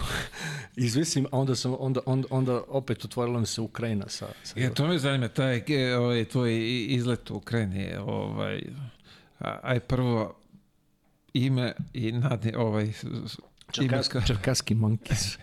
Pa vidi, gazda kluba je, ja mislim da je on i danas i sada da je predsjednik federacije ovaj, Ukrajine, a mislim biznismen. Košarkaške federacije. Da, da, da, federacije košarkaške ovaj, Mihajlo Brodski. On je vlasnik tog Čerkasi Monkeys kluba, a Monkeys zato što mu čerka ima ljubimca majmun. I to je neki lemur, neki mali, ne dolazi tamo. Čekaj, da on dolazi s majmunom na... A? Dolazi, da, dolazi s majmunom na utakmicu čerka. ovaj, ali, ali, kako kažem, fanatik je, voli, voli košarku i, i Joca Arsić je bio trener, znali smo se iz Vojvodine još, ovaj, on me zvao tamo. E, te godine su Ukrajini liga razvolila na Fibinu i na privatnu. Mi smo igrali u privatnu ligu. Ka, bio si učesnik toga, e, nije mi jasno, čuo sam za to, ka, mislim, kako, kako se to sad podeliš? Pa vidi, klubovi su, klubovi su napravili neki kao polupuč u federaciji, su rekli će biti ovako ili mi ćemo napraviti privatnu ligu. Ovi iz federacije rekli Kijev, Kijev, uh, Azovmaš, oni su bili pre, prejaki. Oni su htjeli u stvari da naprave uh, da, da, da Kijev i Azomaš ne, ne, ne, Kijev i Azomaš da ne budu tako dominantni, ono, jer su oni to sve završavali, znaš kako su u Ukrajini pola stvari završavalo, ovaj, i onda su ovi rekli, ok, jel nećete, to je ovaj Hod, Hodorovski, Hodorovski ili, ili on je pre, privat bank, on je uzeo tu privatnu ligu, rekao, ne, ok, sad ćemo mi vamo, Dnipro, Zaporožje, Čerkasi, uh, Budiveljnik, znaš, mi ćemo napraviti i uložit ćemo ozbiljne pare. I stvarno su bile ozbiljne pare. Ta liga je bila preozbiljna. u smislu- Čekaj, šta je Auzumaš i Himki? Oni su igrali svoju ligu, dve lige. Ova jedna Fibina, ova druga van. Pa s kim su igrali ako ste svi otišli? Pa bile su neki, uveli su iz druge lige ekipe, Aha, ono, aha, napravili su tu nešto, ali to je bilo razuđeno kvaliteta. Da, da, znaš. da, da. Ali ja, ja sjećam, ja sam bio u toj ekipi, Dragojlović Vlada došao i Bobby Dixon je bio na početku, Muhammed Ali. Muhammed, o, da. da. s tim što je Muhammed ovaj, otišao pobjegao nakon mjesec dana. On je bukvalno pobjegao. O, Su ga jurili ili pa je jesu, sam? jesu, pro- zeznuo sam, ja, ja, ja, ja sam, opet ti kažem, čuo, ograđujem se, ne znam da li je to sad 100%, ali su mi rekli tamo još dok sam bio, da on je otišao u Trevizo, Benetton, da potpiše. Mislim, vidi, on je, bilo je vrlo jasno da on nije za, za, za Čerkas, da je on za bolji, mislim, tad. I on je otišao u Benetton, a naš, na našim dresovima Čerkasi i Momki su ovdje pisalo Veneto. Veneto znači Venecija, jel? U stvari, Veneto je firma od gazde koju on ima u Veneciji koja je pravila namještaj i on je otišao u Veneto regiju da igra. Naši, našli su ga, pa malo- koliko sam čuo da vrati neki novac koji nije odradio. Je, tako. da, A, mislim, ja opet kažem, ograđujem se, ali ovaj, mjesto njega je došao Ivan Koljević i bio je Miljan Pupović u ekipi. Znači, bilo nas je tamo u, Bila je legija. Jeste, bila je legija i bilo je dobro, mi smo igrali jako dobro. Međutim, u jednom momentu je to sve nešto, kažem, ne puklo, nego sam pare odjednom počeo da kasne, da ovo, da ono i ja sam možda 20 dana pred kraj lige sam ja otišao, a znam da su ovi ost- što su ostali da isto ništa nisu dobili do kraja i to. Čekaj, jel ta, a sada opet, uh, dok nije sve krenulo, ta liga zaživela privatna ili je Ne, to ona je raspala trajala, se? ona je trajala Bukvalno pa, tu da, jednu sezonu. jednu sezonu ili par godina, ne sjećam se sad, ali na kraju se sve to vratilo. U, u, valjda se taj Kodorovski, taj privat, jel taj privat bank je u stvari, ti na svakom dresu ima privat bank. Znači, on je čovjek, ja mislim da je on milijarder, ono, On je ukrajinski. sponzorisao to, Da, da, verovatno. da, pa on ti sad, ja mislim da on sad vodi, on je budiveljnik sad, budiveljnik ti igra negdje van. Da li igraju u Letoniji ili negdje, on, on, je dalje, on je dalje tu, tom, tom Kapiram, ili da. kolomoj, kolom, kolomojski ili tako, ja mislim da je kolomojski. To- Uglavnom, taj čovjek privat bank je, je držao to sve, znaš. I, I tu je, kako ti kažem, meni je bio problem kad sam se vraćao odatle, vraćaš se iz neke ne, nepriznate lige Da, ili da, poluprivatne da, da, da. i ovo, ono, znaš, i, i već me tu 30. godina i u principu tad me vlada Vukojičić doveo u Bo- Bosnu u ABA ligu. Čekaj da se zadržimo samo još na Da. Ukrajini, u- uslovi tamo za, za život i kako to izgledalo iz tvog ugla? Pa Pošto sam, imam ma- razne informacije, ovaj, Pa svako je doživljavao na Sve zavisi od grada u kojem si bio. Pazi, Kijev i Odesa su prelepi gradovi. Ljubov je prelep grad. Znači, Ljubov ti je kao Beč. Ali ako živiš u Donjecku ili a, a ovo Mariopolj i prije ovoga, mislim, pričali su ti kako to A izgleda. gdje je to, to vaše, gdje je to bilo? To je bilo u, cen, u, u, sred Ukrajine. Čerkas je bio u sred Ukrajine. Na, na Dnjepru, uh, velik grad, pola miliona ljudi, ali mislim, realno nema ništa. Ni- Nije bilo nešto sada ti tu kažeš da je ovo. Ali Kijev je bio jedno 140 km odatle, Uzmeš auto, odeš i, mislim, o, stanovi u kojem smo živjeli, uslovi i dvorana u kojem, to je okej, to je stvarno bilo korak. I bilo je džabe. Sjećam da je bilo toliko jeftino u toj Ukrajini da to, to je smiješno. Znači, tamo je- i u Rusiji sam se davio od sušija. Znači, pazi, to, to ne možeš da vjeruješ. Znači, i toliko restorana ima sušija, a prejeftino, a vrhunski. Znaš, Nažalost, sad je to sve To- ovaj, e, razrušeno. A da, sad, mislim, ovo ne, je- neću da, ja imam dosta tamo i prijatelja i, i ovaj, ljudi s kojima sam bio u kontaktu i s kojima sam radio. Imao sam igrača u tom Čarkasiju i poslije ovaj, kao agent. Ovaj, sad to, mislim, to, um, ne znam, sam to posjeća na nešto što se desilo ovde. Samo Da. da. izgleda tamo nikom nije jasno da će to na kraju opet morati sjesti zajedno živjeti ili, ili šta god ili ne pojma. Užas, mislim. Odvratno. Ne možemo utičemo, a ne do Bog nikom da se Pa ne, desi. do, mislim, ja da- ti kažem, ja sam... Prošli smo, ajde, prošli, Jest, prošli jest, smo jest. kroz ja to, samo pa, to, to, znaš, ono, ka, što šta je tu najgore, aj kad se to završi, to, to je sledeći 50 godina, je katastrofa. U toj Pa. Ukrajini. Što god, kako god se dogovore, što god završi, posle toga to će ko mi što kaskamo za svima 20-30 godina. Mislim, to je, Užasno. da. Užasno. Uh, što bih rekla, vraćaš se majci u Bosnu. Vraća tako, se da. majici u Bosnu na ćevape i na burek. Dolazim u Bosnu koja isto te godine ogromne ambicije, međutim, ne znajući ja dolazim tamo, Vlada Vukojić je bio trener, ovaj, da to već kreće ka, ka dnu. I ovaj, I mm, ja sam imao odličnu sezonu tamo i iako nije bilo para i bilo je promjena igrača, trenera, dolazilo se... menjalo nešto strašno. Menjalo se najstrašnije. Znaš kako je kad si ti u Bosni uh, i kad nema para, ono tonus svega je na nuli. Znači, treninga, znači, samo se priča o tome ko laže, ko mulja, ko, ko ono, znači, onda, kako ti kažem, a ja opet došao iz Ukrajine gdje, gdje sam donio novce, znači, tako da meni to nije bilo prevashodno, znači, mi je bilo bitno da se vratim u, u ozbiljne tokove i u ozbiljnu ligu, ja. I on... Ko je od igrača u, u tom momentu? Pa bio je Ivo Ivanović na početku, bio je ovaj Vučurović, pa znaš da je posle bio slučaj Vučurović sa Fibom, sa svim, Šehović, Muhamed Pašalić, bilo je, bilo je, bilo je, mislim, do, dobro ekipa zamišljena da, da, da, da bude sad posle ne izmenjalo se toliko toga da ono ja više ni ko je došao ni prošao još ko je tu na kraju ostao. Mislim, to se tako jadno završilo na kraju, ako smo mi koji igrači odradili tu sezonu vrhunski, znači mi nismo ispali iz lige, a recimo ja sam završio sezonu s pet plata, ne plata, pola ugovora nisam dobio. Znaš, neki su bili, mislim, to je bilo, bio je Bajić, ovaj centar što je bio u Vojvodini, pa otišao tamo. Mislim, to je bio, on čovjek imao dijete u tom momentu, pa, znaš, ono, da tužni priča, da, znaš, nema, ne, ne, ne, nema čega da ljudi da jedu, ono. Svega bilo neki obećanja, teo, pa ko je, pa je Dino Konaković, pa je predsjednik kluba, pa je ovaj sportski direktor, pa ko laže, pa ovo, pa evo, oca mi sutra pare, pa djete, ja. znaš, kad ti, kad čovjek kaže, evo, djeteta mi mog sutra, a onda se ne javlja, mislim. Cirkus, ali to kažem ti, mi smo, mi smo izborili to i ovaj, završili smo sezonu neslavno u BH ligi, tad je Igo Kea ušla u ABA ligu i od tada je u ABA ligi, u stvari, mi nismo ni ispali iz ABA lige, nego smo čuli na kraju da je taj presnik kluba to prodao.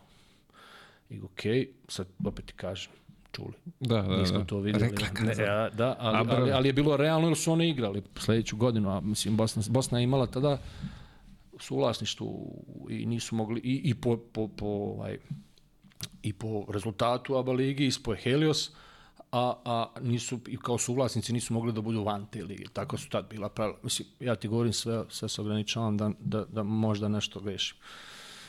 A, jednu zanimljivu informaciju što sam dobio, ovaj, ajde, situacija takva kako jeste u Bosni bila, haos, sve kasno i nema para, ali uh, došao sam do neke informacije da su tri igrača bila povređena u jednom momentu, a da nisu povrede sa, sa parketa. Pa sad moraš, moraš malo pogurati. Moguće, ali moraš me... Su bile neke kafanske povrede. Pa vidimo, vrlo je moguće da, znaš, ono, nema para, nema, nema treninga, nema ništa onda u kafani, ali ja, ja iskreno ti kažem, nešto ne, ne sećam, ali tu je, tu je, ovaj, tu je moglo biti svašta. Znaš, misli, dole kafana, vrlo aktualno. Koji svugde na, na Balkanu, jest, da. Jest, jest, jest.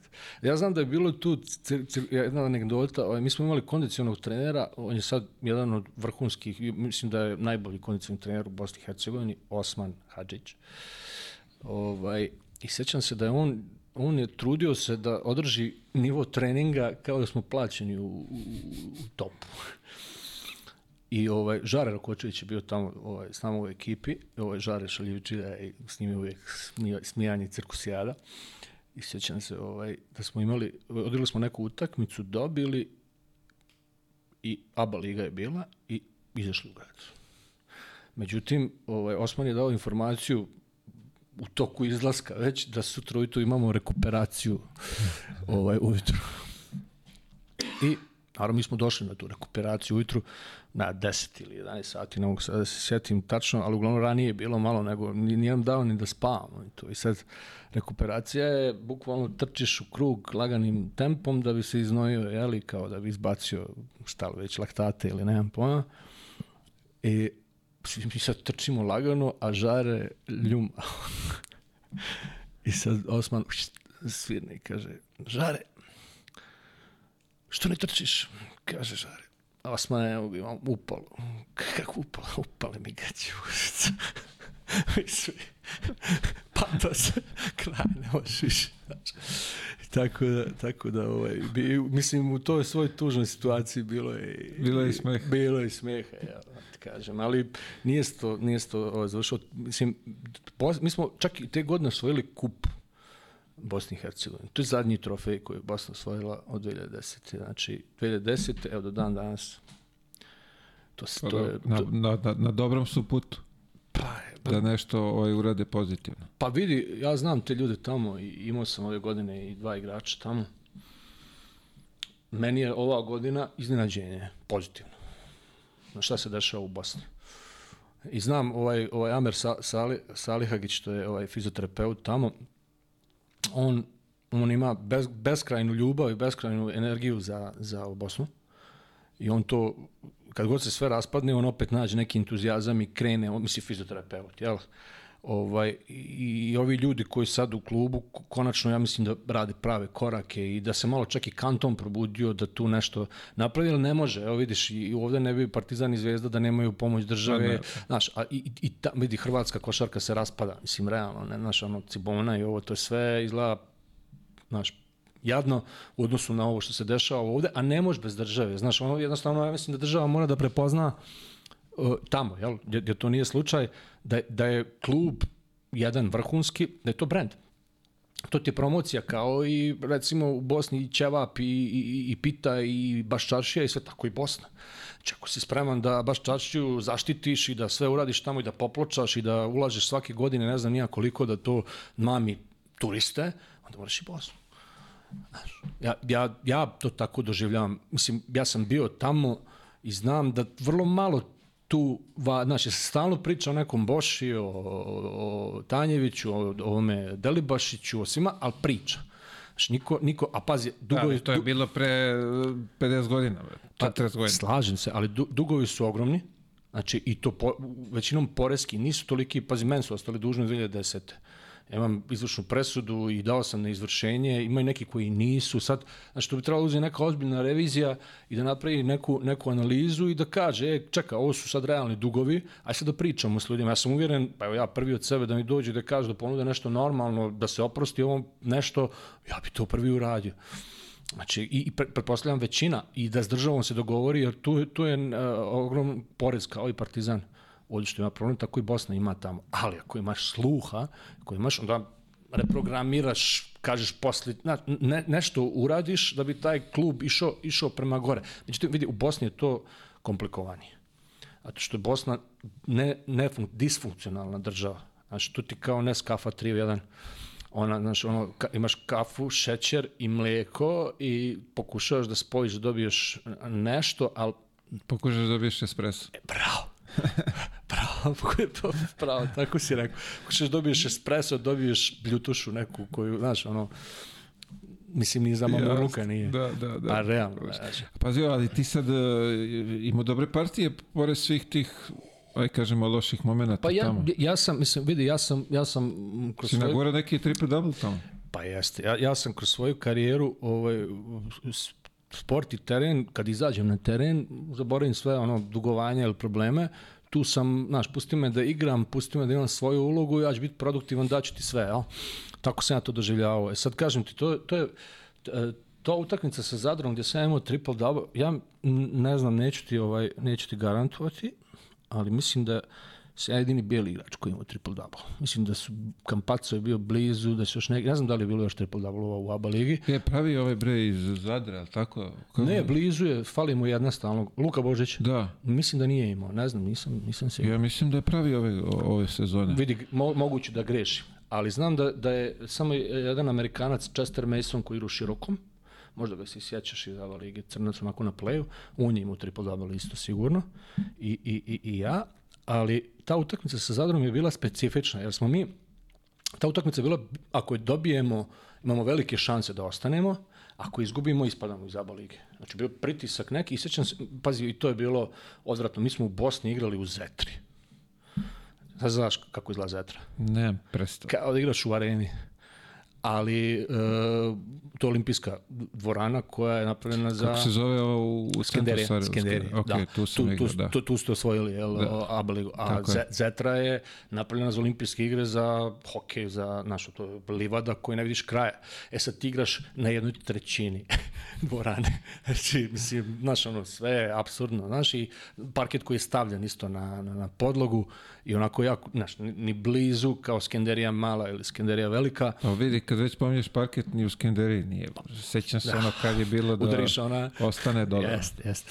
Ma, malo je to poslije ovaj, popravljeno, ovaj, radili su novi parket, ali kaže ti Zetra je bila, m, znači to grad Sarajevo nije prepoznao, znači niste da dolaze, u, to misli šta sam stavili ovde, ono, da, da dođemo, da gledamo, hladno, zim ne možeš zagrijati, razumiješ, to igraš ABA ligu, ono, s dugim rukavima si, onim termomajicama, mislim, da, ba, da.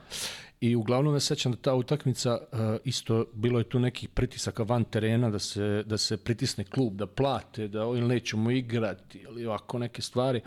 I u principu sve smo mi to negde ostavili i ajde da odradimo, znaš. I, i, i otvorilo se tako. Mislim, ja sam, ti, ja sam već tada transformisao negdje svoju igru, ajde da kažem, nakon te Grčke i tog pauka sam, i to, to što mi se desilo u Marusiju, ovaj, sa, sa, sa ovaj, Darko Russo, kad sam dobio ulogu koju mislio sam da neću dobiti, ali sam, ali sam ovaj, okrenuo sebe u nekog 3D igrača, znači u nekog koje, koje znači, i, to hoću da ti kažem, mi smo dobili Panathinaikos, sad ćete vratiti onu priču maštarije, znači ja sam mašto, Bodiroga je tad igrao u Panathinaikosu, I onda ako, ako si uporan ako radiš, ako vjeruješ i ako da. guraš, dođeš u situaciju da ti se otvori šansa da dobiješ. I ja sam je dobio, pazi, um, um, Diamantidis, uh, Jasikevičius, Spanulis, to su mađioničari.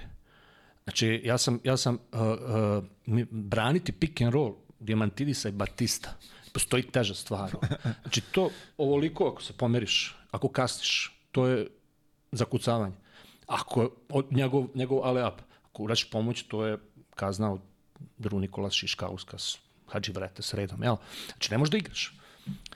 Napadati uh, Panathinaikos, kad te preuzme Mike Batiste, jedan na jedan, on te preuzme zadnjih 5 sekundi, druže, to čovjek se spusti u stav i ti, znaš, nemaš puno izbora. A druga je stvar, ako te preuzme neko drugi lošiji centar, pa kad iz prvog pasa dođe Diamantidis, krene 7 sekundi do kraja krene na udvajanje čovjek koji je oko oktopod kad digne ruke, znači tvoj pas može da bude samo 3 sekunde, ti ostaješ bez vremena. Znači to pročitati, igrati, uspjeti i pobijediti, to je velika stvar. Znači ja, ja sam to negdje kad sa sportske strane doživio i bio, mislim i dan danas sam, znaš, ne, ja kažem, s obzirom da moja karijera nije bila prevrhunska, ona je bila ok, dobra i kad pogledam odakle sam krenuo, iz kad sam krenuo, znači da sam vrhunske stvari uradio e, iz, iz, iz, ulo, iz, iz, iz realnosti koja je bila tada.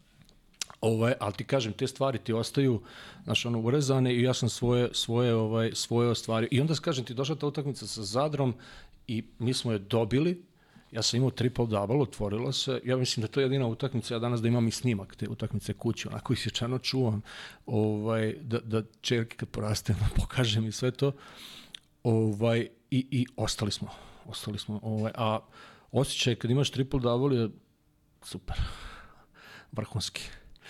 Imaš osjećaj da si nešto kvalitetno uradio. Pa ne kvalitetno, pa to se ne dešava, mislim, osim Jokića i ovih tamo. Ove, ali u Americi malo drugačije. Drugačije da, broje, da. Drugačije, drugačije brojanje i sve to, ali ti kažem, ja sam te godine već igrao, ovaj, igrao sam dobru odbranu i ovaj, znao sam da čitam igru i najmanje sam zabio, najmanje sam skorer bio ti zadnji par godina. Dobro, to kad, znaš, kad dođeš u godine, sazriš, onda ti, ti je stalo da ovaj, razigraš ekipu, a manje Pa, vidi, za da li, sebe. da li je to tako? Ja, ja ne mislim da sam pravilnu stvar uradio. Bolje bi prošao karijer da sam ostao indijanac šuter, verovatno.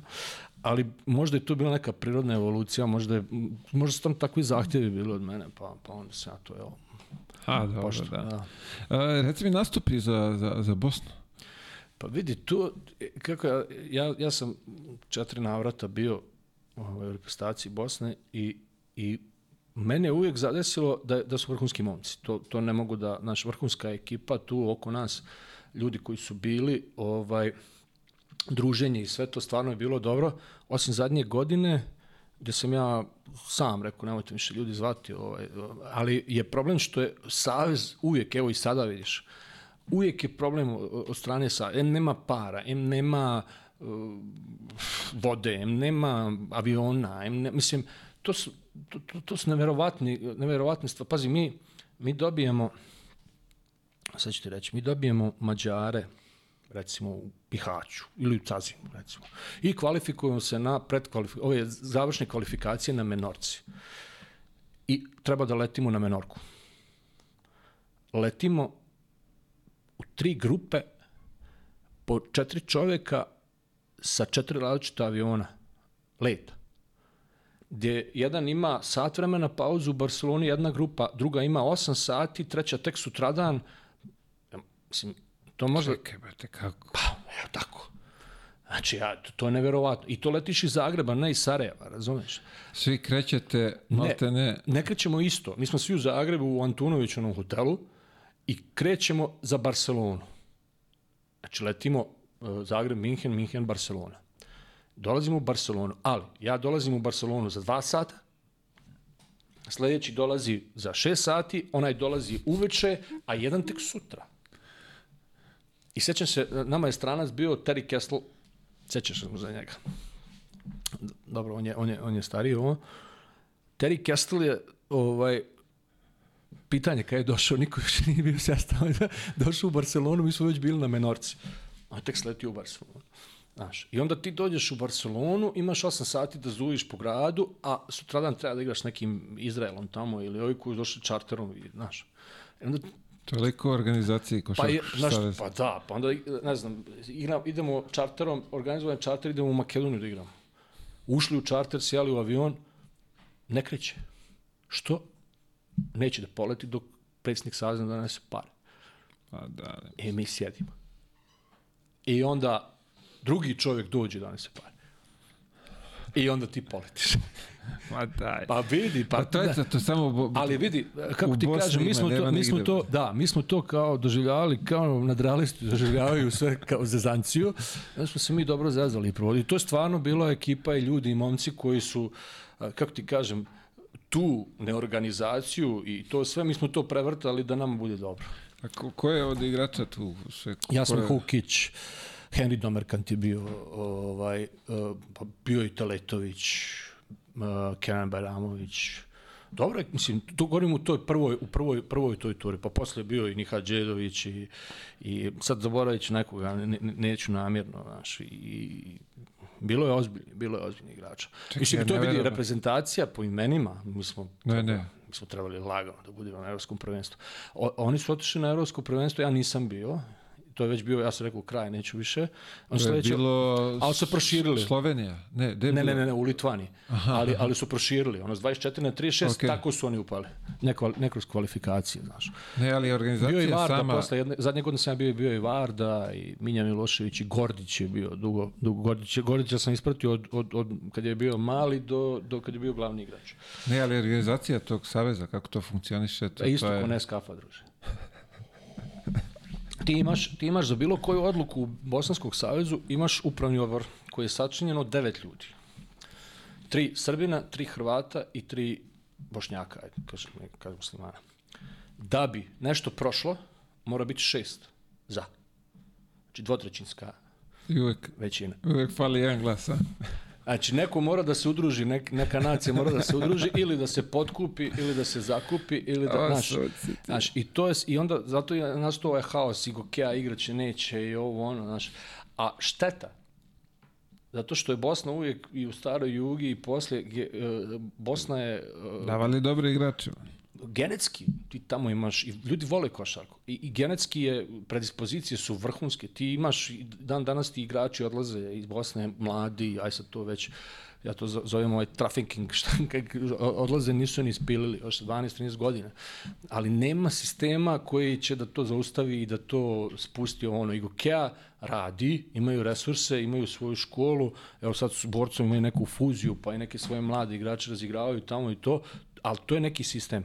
Nešto. Ovo ostalo u federaciji je, široki radi dobro, ali široki je Široki je baš ono nacionalno orijentisan, znaš, tamo samo igraju Hrvati i, i, i, i, i, ovaj, i Amerikanci eventualno, ali radi dobar posao, imaju dobru školu, izbacuju i guraju svoje igrače, sad je to neki limit, evo sad nisu uspjeli, opet sad je to ABA 2, nekad je bila ABA, ali oni skupljaju to što je dole iz, iz tog regije Herceg Bosne i dole, rade. Ovo ostalo je sve preživljavanje, pre- puko preživljavanje, svi ti klubovi. Znaš, Sparsi su pokušali nešto, međutim sad već i to klizi da, da, da, da, da li će biti ili neće ovaj, i dalje, ali šteta, ba, ba, baš šteta. Čekaj, ti misliš sad ovako, imaš to iskustvo, ti misliš da to ne može da funkcioniše zbog tog ne skafe te sve tri strane pa, ili šta, je, šta, je tu, šta je problem? Ja sam, ja, ja, ja sam ovaj, pričajući s nekim ljudima iz košarke, recimo Damir Krupal je bio i pre dve godine, tri u stvari, u Bosni bio, imao je funkciju i sve to. Ja sam njemu tad rekao, vidi, o, ovo sve što i radite ovde je džabe i budalaština. Prvo, zato, zašto ne odvojite ligu od federacije? Znači, Savez je disfunkcionalan, on ne funkcioniše, ne radi. Znači, dogovorite se klubovi napravite privat. Napravite ABU 2 u Bosni. Znači, dovedite nivo, prekopirajte neke stvari, uzmite, zaposlite 5, 10, 3, nije bitno koliko ljudi profesionalni, dajte im te pare koje dajte za kotizaciju, dajte tim ljudima. Neka rade posao i pozovite im na odgovornost i na obaveze. Ti ljudi će ići naći, pazi, ima novca u Bosni da se nađe sponzorstvo, da ta, da ta liga funkcioniše, da klubovi te pare koje davaju Savez, pazi, ti zadnjih šest godina u Bosni ne znaš kad počinje prvenstvo. Ne znaš. Odgađaju se kola, ovaj hoće doći, će ne, znaš, do toga da, da će ovaj sutra otputovat, neće, da su sudije došle, da, mislim, to je cirkus. Znaš, umjesto da se napravi profesionalna liga, standardi, neki, ne moraju biti euroligaški, ali ne, uzmi ono što valjaš, dobro spusti na neki nivo i kreni. I za dve, tri, pet godina, deset, ti ćeš vidjeti boljitak. Ovako, ti imaš reprezentaciju koji dan danas, evo, vidio si, kogod dođe Musa, jedan Nurkić i ovi dođu, šta, ne, ne znaju da li će sutra poletiti na evropsko. Da, Sveća se da to je, sad je bilo, je li tako, prošle pa godine je bilo isto jest, ne, neki cirkus. Jeste, jeste. Znaš, a onda tamo kad malo zakopaš ti ne znaš da li je generalni sekretar VD pet godina ili je stvarno ili ovo, odakle, šta, kako, pa sećaš se sa ženama šta je bilo, pa Razija Mojanović, pa priča, pa hoće li putovat, pa neće, pa onda se pojavi neki heroj tamo iz kantona, evo ja sam dao, pa, znaš, sve ne, nema sistema nikakvog, sve nešto ad hoc horuk, I, i, i tu nema sreće, tu nema budućnosti. Nema ni, znaš, samo možda, možda to ne. Liga se održava, svake godine se igra, ne igra se loša košarka u Bosni. Znači, Bosanska liga, evo sad ove godine KLS je pojačao, ima dobri, ali recimo unazad je bila kvalitetnija od, od, od, od, od, od, od KLS, Bosanska liga. Znaš, i to nati je u ravni sa Slovenijom, mislim, ajde ove ekipe koje su bolje i ovo, ali ovo ostalo, tu se igra dobra košarka. Pa dobro, evo, dao si im predlog, slušaju, ima, javljaju se ljudi sa Reo dole da, da gledaju, tako da pa ja mislim da, da će neka pametna glava ovaj vidi, to... Sad, sad su oni imali neke sastanke, oni su imali neke, neke sastanke na to da naprave neko udruženje, ali opet pitanje šta će toga biti, da li će tu po, opet pobediti neki sitni interesi koji nema veze s sportom. Da. Znači, ako ima veze sa sportom, ovo što ja što sam ja sada rekao, rekao sam onako, jel, iz, iz, iz, iz pet rečenica, to će tri pametna čovjeka iz sporta povezana s marketingom i sa biznisom će napraviti to. Imaš primjera, evo ovaj čovjek u ovoj budućnosti iz Bjeljine. Ovaj sa što igra gdje pa, pa, pa, ovaj Grubešić, Damir, on je, ne, Grubešić, Dubravko. On je, on je bio u Savjezu, bio A, budućnost, okay. Da, da, da, da. Ovaj, on, je, on je uzeo taj klub i oni dobro rade i, i, i ovaj, prave, prave dobre stvari i možda će čak i ABA 2 ligu igra sledeće godine ovaj, on je biznismen koji voli sport. Trebaju ti pet takvi da, da, da pokrenu ne, ne, ne, neke stvari, jel? Znaš. Ali dok god se tu, znaš, u savezu, ti meni, ja, tebi, ovaj, ono, malo, znaš, e, sad digo, okej, okay, aj digni ruku, zato što mora nešto, ono, nije to dobro ni za koga. Jer, jer mislim, nema ni Gokeja nikakvog interesa da igra tu BH ligu. Realno, a mogla bi. Pa zašto bi igrala kad imaju ovamo zagarantovano sve, ali tako? Jeste. Bitno je ti, ako sam ja dobro razumio, samo je bitno da ne ispadneš dole i ti si ti tu, si tu. miran da, da, da. Ne, mislim, nacionalne lige su generalno izgubile svaku smisao. Ma, mada, pa, ne znam baš da li svugdje, ali u većini su izgubile izgubile smisla. Znaš. E, Partizan, Zvezda ove godine, Euroliga, kako si ti vidim, to video? Vidim, meni, meni to, kako ti kažem, košarkaški mi je to vrhunski. Znači ja bih volio da to svake godine da, da imaju. Uh, ne sviđaju se te neke stvari koje se dešavaju mimo parketa, to već godinama tako traje, ali, ali sam kvalitet košarke koju oni igraju i pružim, mislim, dovoljno je da dva vrlo vrhunska, naj, naš Đeljko je najbolji trener u Evropi u istoriji, sigurno. Ovaj, imao sam čak jednom častu u avionu da se vraćam s njim i znam koliko sve prati i gleda i sve zna. Ovaj, i Duško Ivanović, to su preozbiljni treneri i, i jako je dobro što su oni tu. Znači su se vratili da vode, ovaj, sigurno je super da su jedni i drugi u Euroligi, da guraju jedni druge.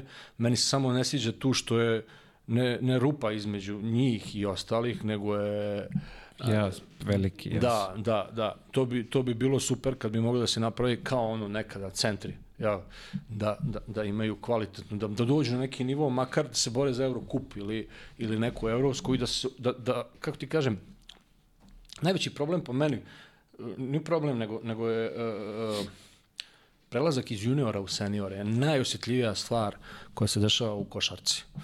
Znači, tu se gube, tu, tu, tu, prestaju, tu, tu nemaju. I neko ko je bio talentovan i koji je dobro, čak i Partizana i Zvezde, jedan, dva, ovi ostali, nemaju gdje da odu. On ako nije prošao Partizan, Zvezdu, Megu ili i FNP selekciju, on ne može sad otići u neki klub, ne znam, sad Lupić u Nišu nekada ili u Vojvodinu, Novi Sad, ali da tamo dođe, da dobije šansu da igra opet protiv tog Partizana, protiv Nema, skoro smo nešto komentarisali da bukvalno neke ekipe po par godina nikad ne, ne po par ako ne vidiš, ne igraš protiv Zvezde i Partizana. To je, to je baš I poražavajuće. To je, i to je, a ti sam znaš koji hype nosi kad se Partizan Zvezda i ovi ostali pojave negdje i, i koliko to pobuđuje i lokalnu zajednicu da ulaže i sve to. Znaš, to se sad neki, sad, pa to je komplikovano. To je malo, vidi, i ako pričamo baš o tome, to je malo i ovaj, sebičnost njihove strane, znaš. Ako znaju šta su, šta predstavljaju za ovu zemlju, ja znači da mora oni, da imaš ja mislim da, ja mislim da oni nemaju vremena da s time bave u, u moru ovih utakmica koji ih imaju, ovo sve, mislim da je njihov fokus samo na rezultat, jako je teško tu, pazi, svojom djecom se baviti, svojim, svojim igračima, a kamoli sad doći situaciju da ti, da ti razmišljaš o, ne znam, nekom Nišu i nekom Vojvodini, iako po meni to... Ne da razmišljaš njima, nego da, da budeš deo te lige, bre, čoveče. To da, da, da, da, to da, to da. To da se, učestvuješ tu, da to, bi to se... se... To se, to se slažem, pazi, to se opet pitanje da li je ABA potrebna ili nije, ja ne vidim sad ni da ove, ni da ove ekipe imaju neko, iz ovih drugih zemalja imaju benefite ikakvog od toga što su, što su Partizani i Zvezda ovakvi kakvi jesu. Mislim, predominanti. Šta, je, šta, se, šta se dešava sa Delitom, Olimpijom, Cibonom, Zadrom? Ok, Zadar i Split imaju neku svoju priču, ali ona je, ona je ti Zadru imaš svako malo problem, da li navijač ovo, da li ono, da li uprava, da li Cibona, poluštrajk stalno. Split se kao nešto, koliko imam para, toliko se širim i ok, ide tu, ali ne mogu da priđu blizu. Mislim, ok, on Partizan ih je dobio ovaj, jedva tamo, ali, ali kad, kad dođe situacija da taj Split dođe ovde i odigra nivo, Partizanom nivo utakmice evroligaške u areni, pred 20.000 ljudi, e onda je to to. Onda to gura i kvalitet igrače i košarku i sve. Da, da. Da, dobro, vidjet ćemo kako će to ovaj, pa, da, da izgleda u bliskoj budućnosti. Yes. Uh, kad počneš da razmišljaš o kraju karijere? E, vidi, tad već kad sam, kad sam ovaj, sa, sa, sa Bosnom ovaj, završio, vraćam se u Marusi. A Marusi, i, to mi je recimo, ajde kažem, e, isto jedan od najljepših perioda, nije bilo para, nije bilo ništa. Ja se vratio u Marusi, uh, mi smo E, ja sam, e, kad sam završio sa Bosnom, bila neka priča, ja sam to dugo čekao jer sam htjeo da idem u Krku. Đikić je bio trener tamo, tamo su mi bili, bio Goran Nikonić, Dule Đorđević, Smiljan Pavić su bili tamo nosioci i ovaj, oni su, oni su ovaj, kako se zove, uh, prijatelji. Sve, s njima sam jako dobar svima. I ovaj, oni su isto sa Giletom gurali tu priču da ja dođem tamo ili mi je trebao takav jedan igrač. Međutim, bila je priča i Džile me nazvao i objasnio, ja sam bio tada u reprezentaciji, rekao, vidi, Doran Dragić, znači ovaj koji postao vrhunski igrač, treba da dođe. On je tad bio u Slovanu ili u Heliusu, ne mogu se da sjetim tačno. Oni pregovaraju oko obeštećenja. Ako on ne dođe, ako se ne dogovore, ti si prva. Ako hoćeš, čekaj, ako nećeš, znači ti potpisuju ono, ali ja te hoću, ali ovo je stav kluba Krke koja je inače onako malo rigidna, jel? I ja sam odbio, iako sam imao dobru sezonu, i zvali su me i ovo, i nudili, ja sam rekao, ne, ja čekam ovo, hoću tamo kod njih sve, međutim, Zoran Dragić potpiše tamo, to meni ko po običaju, jel? I nema sad više neki puno opcija nešto, Marusi je već u silaznoj putanji, uhapšen je uh, gazda kluba, neka politička namještaljka tamo uh, gradio je da nije trebao nešto, onda su ga komunisti iz lok... to ne možda veruješ, komunisti iz mesne zajednice su, su, su ga poslali u zatvore. Uh, Pošto da bi, da bi nešto gradio tamo ti moraš dobiješ u mjesnoj zajednici 100% glasova. a pogotovo ako gradiš nešto veliko. A on je gradio shopping mall sa stadionom i, i, i ludnicom nekom i uložio brdo para, međutim oni su ga oborili i onda se to otvorilo i našli mu, ne znam, ja i ne više para za klub, međutim, sin njegove još tu pomaže i ovo, ali se ne zna da li će klub postojati ili neće, uopšte. I odjednom 5. oktobra skuplja se klub, skuplja se ekipa, 15. oktobra počinje liga. Ti ne možeš da veruješ to. Znači, i to u ekipu dolaze, dolazimo, uh, dolazim ja dole i zatičem Janisa Gagaludisa, ne znam da se čuo za njega. To je, igrao on u Panathinaiko se nestao, to je najjači lik koji postoje u grčkoj košarci. Znači, kompletan ludak, dobar igrač, ali kompletan ludak. Znači, on je u Pauku, kad je igrao u slačionici, imao uh, Gagaludis kafe. imao je svoju policu Gagaludis kafe i napravljeno, ono, mislim, cirkus živi. On i Nestor Komatos, znači to su dva najveća talenta uh, propala uh, grčke lige. Komatos je grčki crnac, znači crnje, igra poziciju 3, ovaj Gagaludis je na 1, Uh, jednog ima tu ekipu, ja doživljaj dvojicu, to, to, znači oni se posveđaju na treningu 30 puta. I ovaj, bio, bio sam ja na dvojici, bio je Haritopoulos Levak, jedan dobar momak i još igra, ovaj, dobar grčki igrač i Dalibor Bagarić na petici, koji je ovaj, ja, ja sam ga zvao poslednji dinosaurus košarke, mislim, on čovjek je, je ovaj, igrao vrhunski nivo u Chicago Bulls posle vrhunska karijera u Evropi, došao u Marusi, pa mi smo svi došli iz nekog polu treninga. Znaš, i sad za 10 dana počinje liga. Uh, klub je, rekao sam ti u kakvoj situaciji već jeste. Prvo kolo idemo, idemo u Panionius, njihovu dvoranu, Panionius tada ozbiljan projekat, opet Neno Marković, trener, vrhunski, vidi, pobedili Panathinaikos na pripremu, ono, mi idemo tamo izveknemo ih prvo, onako iz, iz kako ti kažem, iz, iz nesvijesti, ne znam, nije. Na svežinu. Na svežinu, vjerovatno, i ušlo i sve ono. I sad, uh, uh, ja sećam te scene, to neću nikad zaboraviti. Taj Aleksandris koji je meni bio trener u Pauku, taj koji me, ono, jel, ne može da treniraš i ovo, on me čeka dole, znaš. I on ti je uh, light vari, slična varijanta kao Vlada Đurović, psihologija, ovo ono neradnik na treningu, ali da, da te motiviše, ovo ono vidi letiš, ne, ne možeš da veruješ. Znaš, aj ovde Tiger, malo smijeh, ovde tigra istetovirano i, i, i ovo je maludnica s njim, a on je jedini trener koji je Komatosa i tog Galudisa vuko sa sobom svugdje.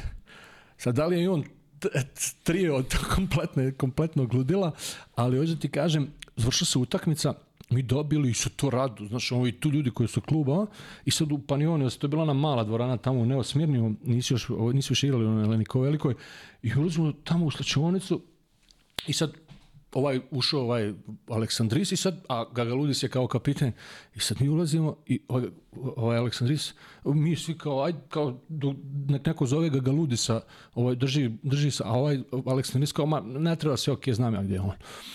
I ovaj sad tu nešto, a bravo, super, ovo, ono, ovako, onako, i sad kako su vršili, a ja kako sam nešto vode tonu popio, ću WC, ja u WC, ja za kvaku, ne možeš da otvoriš. Neko iznutra kontrira. Ja, ja nekog uspijem vratima, a on sjedi, ga ljudi, sjedi na WC-u i drži frape i puši cigaru. Ja kažu, šta radiš to? Kaže on, pa uzimam vitamine svoje pa su utakmice. znači ja, i, se, i sad ja, ja prvo šoku pa se smijem, pa, pa ja on kao, pa kao ni znao, pa to je, to je, to je Gaga Ludi, si sve onda šokovi. Mislim, igrali smo neku utakmicu na Rodosu, on je ispred spakao, dali, o, Bagarića, pošto, znaš ako s Bagarićem, on je tvo, tvoje, tvoje da, da, gabarita i ovo ono. Mi smo, ovaj, ovaj je jasan plan bio napravio. Bagarić igra 20 minuta, svaka lopta na njega dole, on 70% toga završava i stvarno bio MVP lige te godine. On, to, to, je ono što sam rekao, dominaciju koju sam vidio, znači to ne možeš da čuvaš ne, ne postoje. Njemu loptu kad ubaciš dole, druga stvar, ako kreneš da udvajaš, on je visok, ogroman i voli da doda, znači nesebičanje, ali on igrao 20 minuta i, i kad izađe napolje, Znači, mi smo igrali unutra, on kad izađe napolje, igramo pick and roll. Vrlo prosto. S njim unutra na njega i šutiramo ovako pick and roll i to je davalo vrhunske rezultate. Međutim, na, na Rodosu smo igrali i ovaj tri puta na početku isfintira Bagarića, ne spustimo loptu. Sfintira i krene nešto svoje, taj ga ga ludis, jel? I na poluvremenu ovaj Bagarić je pitao, alo, be, si ti normalan, šta radiš? Si tako spustiš loptu, dole, šta ti je, znaš, Bagi skoči. Znaš kad, a ovaj ga Luis mršav, nikakav, znaš kako izgleda kad velik čovjek, pa ko ono pile, kad uhvatiš, kad ga uhvatio za vrat, znači njega nismo mogli, trojica smo ga skidali da ga, da ga ne udavi. Znaš, mislim, bilo je tu anegdota, pa do toga da Komatos i ovaj na timeoutu se ono, znaš, da, da ne, ne, možeš, ne možeš kontrolisati da se ne svađa i sve. Znaš, da ovaj trener poludi, ode u slačio. Mislim, kad kažem, čitava sezona je bila cirkus, ali je bio jedan dobar cirkus. I, i, i uh, poštovali smo jedni druge, bez obzira što je bilo, ovaj, bili smo uh, pobjednici. Svi koji su bili u, u ekipi, čak i ova dva, su bili ljudi koji su želeli pobjedu. Znaš, šta god treba da uradim, možemo se posvađati, možemo ovo, možemo ovo, možemo. Mi smo završili tu sezonu peti. To je neverovatno bilo. Ti u Grčkoj ligi završiš peti. Igramo sa Arisom opet. Četvrt finale. Odemo tamo. Zveknemo ih. U njima u njima ekipu s Lukas. Znači, zveknemo ih. I na, dolazimo u Marusi gdje nam presnik kluba kaže molim vas izgubite utakmicu. Ja nemam para više da vam dam da idete tamo. On bukvalno kaže molim vas izgubite. I dođe ovaj Aleksandris trener, je li tako? Jeste. Ah, sve u buzuki. Znači mi Buzuki, utakmice izgubimo u Solun noć prije utakmice Buzuki. I tako on, on časti. I izgubimo i to ne, ne, on prvo to mi da smo prošli, to je još mjesec i po dana plata. Tak zato nema par, evo. I onda, onda se ta sezona završava uh, tako, sledeće godine se vraćamo u Marusi, gdje nam obećavaju, isplatili su nam tu sezonu, prošlu, i gdje su obećanja od lokalne uprave da će to biti opet ok, da će ovaj on, međutim dolazimo tamo ono, totalni kolaps. Odatle ulazim na Keravnos, na Kipar, to je već 32. 33. godina. Tamo je bilo lepo, uzeli smo kup, to je jako organizovan klub, dobar, vodi predsjednik koji je zaljubljenik, koji obožava, prati, on čak komentariše NCAA March Madness i ono zna, jeli? Ovaj, sam što nemaju svoje navijače, ali jako organizovan klub i sve ispoštuju sve u dan i jako lepo igrati tamo. Ovaj, to kad sam završio, otišao sam u Švajcarsku, tamo sam igrao za Monte, to je više bilo, kako ti kažem, šampanjac i vino nego, nego ozbiljna košarka. Mislim, ozbiljna. Ja, kako nazovem ozbiljnu košarku, ako sam ja najstariji s 34 godine i prvi sledeći igrač ima 25, to je Amerikanac ruki. Sve ostalo je ispod je 18 Dobro, da, kod njih nije toliko profesionalno, pa, to je amater, neka više amaterska Znaš, i onda, onda, onda, onda ja sam se, ja sam, kako ti kaže, ja sam imao ugovor najbolj, najveći u ekipi, ali momak koji je bio 12 igrač u ekipi koji su tu samo popodne nekada je imao veću platu u firmu od mene. Znači, da, dođemo igramo 5 na 5, on nešto tamo leta, ja sad poludim nešto, znaš, ne, ne zna akcije, ne, ne, pojma, razumeš, nešto tumara tamo, ja na njega, on kaže, što, što ti na mene? Pa mene ovo zabava.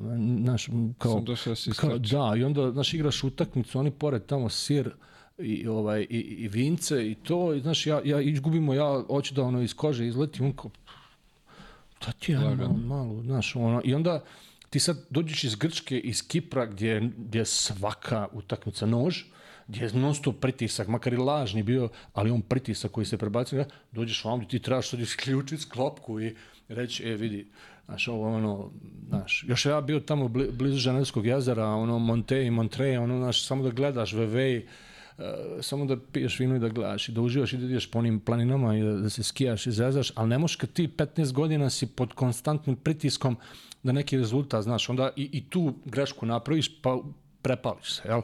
A treba da... A dobro, nisi znao da poučeš ručnu i mora se se penzioniš. Pa, vidi, znaš kako, ja kad sam, kad sam, ja sam znao već da će mi to biti zadnja godina u karijeri.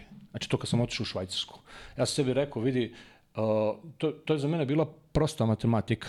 Znači, ideš dole, nema više tog nivoa, ideš dole, da li ćeš se razlačiti sad po ovim ligama do 37. 38. ono, ili podvuci, razmisli šta ćeš dok igraš tu zadnju godinu, gdje ćeš, kuda ćeš, šta je neki plan, napravi sledeći, sledeći 3-4 godine i to je to. I za 3-4 godine ćeš biti u boljoj poziciji nego da se razlačio, a ne možeš više da zaradiš, ne znam, nija, nija kakve novce. I meni to pokazao ispravno. A šta je bio taj plan za, za posle? Pa kažem ti, to, ta agentura i, to, i, i, taj fakultet, da to završim i da, to, da se malo odmorim od svega i sve. Znaš, ja sam to planirao i tako je bukvalno bilo. Ja sam 2014. završio, 2017. sam krenuo sam u ovo da radim. I Svaka čast. Kad, da, kad se to, kad se to ovaj, desilo, ja sam stvarno, kad sam pogledao iza sebe, shvatio da je to bio da je bio to dobar izbor i dobar plan. Šta bi izvojio ti sad o, kroz ovu tvoju karijeru, neke najteže momente? Najteži moment. Pa Ne, ne znam, jedan od najtežih momenta je bilo kad smo izgubili prvenstvo Bosne i Hercegovine a, od širokog to nam je znam da se sećaš njega, Čelevi playmaker, pa je bio posle prestacije, on im je dao trojku, njima nebitna utakmica, nebitna. A nao nam je trojku ovako iz punog trka, iz jednog ugla u drugi ćošak, ovako je dao trojku i oni su nas dobili, a, a, a mi smo samo trebali da pobjedimo. Ako izgubimo, tamo je neki, pošto je to bila Liga 6, pa pun đavo rezultata pobjeda, pa nekako, uglavnom mi gubimo. Mi smo to izgubili. Čovjek je pogodio, ne znam, ne znam ja, ne znam da li bi to više neko po... Znači, ono, kad ne, ne veruješ, da, on je šutno iz totalnog relaksa, iz totalnog... Kad imaš osjećaj kad gledaš to sad ponovo na snimku, da on to nije ni htjeo. Ali ona je, brate, ušla. Znači, niti se raduju posle, ništa. Njima, ni, oni, oni, oni nisu imali teoretske šanse da budu prvaci. Da, da, da. To je bilo pitanje da li će, mislim da je i Gokea postala prvak, bilo je pitanje da li će i oni podmazati, jel, da, da, ovaj, da, da, da guraju full, da, da igraju full. Znaš, i to, šta ja znam, to, kad mi, to mi je žao slične stvari, strane, to što nisam doživio da, da, ovaj, da sa Čaletom ono, da prođe čitava karijera i to što sam vrlo malo vremena, čak mislim da mi je to ostavilo jednu rupu u životu, ovaj, kako ti kažem, ne možeš to vratiti, ali ne, mo- ne možeš više Yes. to, da, znaš, i to mi je onako baš, baš, baš krivo i žao. Ovaj, a ovo ostalo, pff, bože, bilo je sve kako, kako biti mora, evo. I bilo je, kažem ti, dobri stvari i loših i ne mislim uopšte ni da je, da je moglo je bolja karijera da bude, ali opet kad vidimo odakle sam krenuo i kako sam krenuo i kako je teško uspjeti, uh, ponosan sam, iskreno ti kažem. A da sam mogao, a da sam mogao bolje, mogao sam čak mislim da da da da uh, ne mogu da kažem mentorstvo neko, da, da je neko bio samo u, nekim momentima da kaže, "E, vidi majstor, čak, stani, evo, evo samo, ne, šta god, Da, da. samo nemoj to, ajde, ajde ovamo, mislim da bi bilo bolje od ovoga, ali ne bi nikad bilo, ne znam, s obzirom kako sam kasno krenuo i sve to, ne bi bilo, ne znam, ja savršeno. Sad kad gledaš ovako svoje tačke uh, gledišta, šta ti je košarka donela u životu? Pa vidi, donijela mi je sve, nema to ti je, meni je čitav život od, od tog kad sam krenuo do dan danas, danas košarka i, i vrsta, nema, nema dana kad se, jel, znači to je, to je, to je život i, i kad hoćeš da se isključiš od toga nije ti, ni- nisi dobar, nije, nije, nije ti dobro. Ja sam pokušavao da se isključim, ali uvijek se nekako vraćalo, vraćalo, vraćalo, znaš, u bilo kojem obliku, jel, i ovaj, da ti ona, vrate, i puno patnje, i puno lošeg, i puno teškog i udriš glavom dole. Ma, makar na treningu izgubio, imaš tu i, i ti padova, znaš, ono, ali, ali ako si, ovaj, ako si uporan, ako imaš karakter, ako ono, ti ćeš i na tom, kako kažem, dnevnom nivou uh, da ustaneš i da nađeš ono dobro u njoj. A ona ti, ona ti uh, gradi život, gradi karakter, ako si, ako si pravi sportista, Uh, ja čak imam primjere iz biznisa gdje, gdje znam da ozbiljne firme preferiraju vrhunske sportiste zato što znaju koliko mogu da puta padnu, ustanu, da izdrže, žilaviji su, znaš, jer jednostavno, um, aj sad pričamo o košarci, ali generalno vrhunski sport, to je, to je, to je uspjeti je magija. Znaš, jedna vrsta, jedna vrsta magije, odricanja, problema, a da govorim bolova, jo, mislim, evo mi sada smo poluinvalidi, pa ja vučem povrede ramena iz Ukrajine, koljena iz, iz, iz, iz Grčke, ja svaki put kad malo na tenisu potegnem, ja, ja osjetim rame i osjetim koljena. Mislim, ali, ali da, to je ono što sam ti rekao, košarka ti je dala i, i inval- invaliditet. I ovaj, pazi, ja ću ti reći sada, dve moje povrede, ti ne bi nikad evo sad da sto puta pogodiš šta sam ja u košarci povrijedio, slomio. Evo, aj probaj. Pa, pre, ne prestao. Hm? Kost neku, verovatno, ruka, šta je? Pa, Pazi, grudnu kost. grudnu Grudnu kost. kost. Sam slomio. Kako, brate? 2003. Radek Nečas, Čeh koji igrao za Laško, je ovaj, skočio To je bio onaj redki moj pokušaj da idem skoku u napadu. I on je skočio prije mene, čovjek doskočio i znaš ono kad doskočiš pa lakat izvekao me tu direktno. On mene toliko udario se, a sam izduo, iz, iz, izbušio me. Znači nema vazduha, nema ništa. I pazi, završi se utakmica, naravno ne mogu ja da igram ništa. Iako doktor kaže, doktor, daj, šta će to snimat, to kaže u saobraćajkama. Kad se desi najgore saobraćajke, ostane čeona i grudna kost čitave. Kako mi dobro. Ja otišao kući, čečem u 10 dana da nadišem. Okrenem se da spavam, ne mogu. Men čale, pokojno kaže, ajmo mi rengen da snim. Ja sam što da snimam prst. Prst puklo. A druga povreda u Marusiju, sa Daliborom Bagarićem na treningu, igramo neku rehabilitaciju posle i ovaj kao dao nešto dva na dva, ja ga preuzmem i krenem da ga guram u aut ispod koša. A on onako mlitav, ne trenira se, razumeš, i ovaj ga galudi smo baci lob pas. I on u tom momentu kako pada, ovako diže ruku, ja se okrećem ovako, on spušta pas nazad, lakat ovde, dve jagodične kosti, četiri sata operacija, dva mjeseca na polju. ne smijem da potrčim, da dignem puls, ne smijem da uđem, ustanem ni stepen. Četiri sata opet, znači vidi u, u njome. U njome je sve ovo. E sad, to ti je MM, MMA i povreda, a i ovo je. to, to ko sad u košarci da kažeš da, da se desi.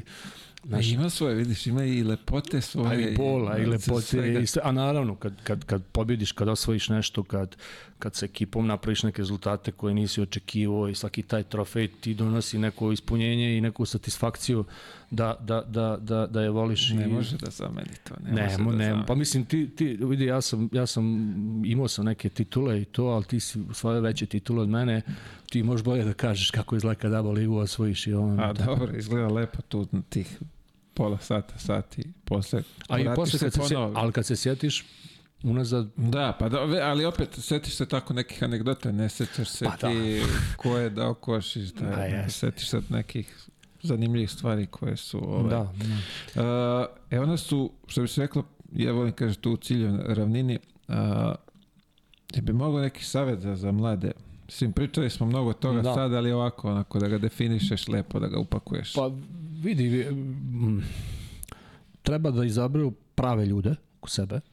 Uh, roditelji naravno ne mogu da ne mogu da mijenjaju, ali prave mentore, trenere, agente treba da i ljude koji ne pričaju bajke i basne, nego koji znaju materiju i znaju, znaju konkretne stvari, detalje da im kažu i da njih izaberu i da naprave tim s njima i da jasno podijele uloge ko će šta da radi i ono što je za njih najvažnije i što je najbitnije, ja mislim da je to samo ogromna količina rada.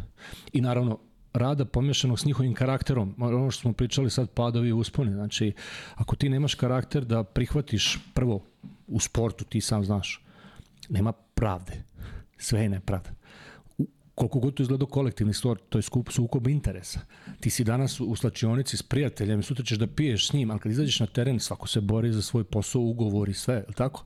A to sve treba upakovati u ekipu i sve. Znači, a, a, rad, predanost, vjera u sebe, volja, volja jeli? i da prihvatiš da nisu stvari onakve kakve, kakve ti misliš da uvek jesu, jer uvek ima druga, druga perspektiva s druge strane, ali mislim da rad pobjeđuje e, sve. Lepo rečeno, lepo rečeno, nećemo ništa da dodajemo. Uh, vidi ovako, mi ovde sad za kraj imamo dve stvarčice. Dobro. Miksa, budi ljubazan. Treba da nam potpišeš ovu lopticu. Dobro.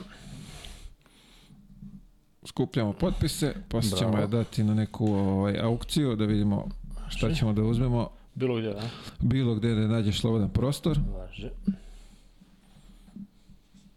Da bi mogli da doniramo taj novac koji budemo ovaj, dobili za nju, za neke, u neke dobrotvorne svrhe.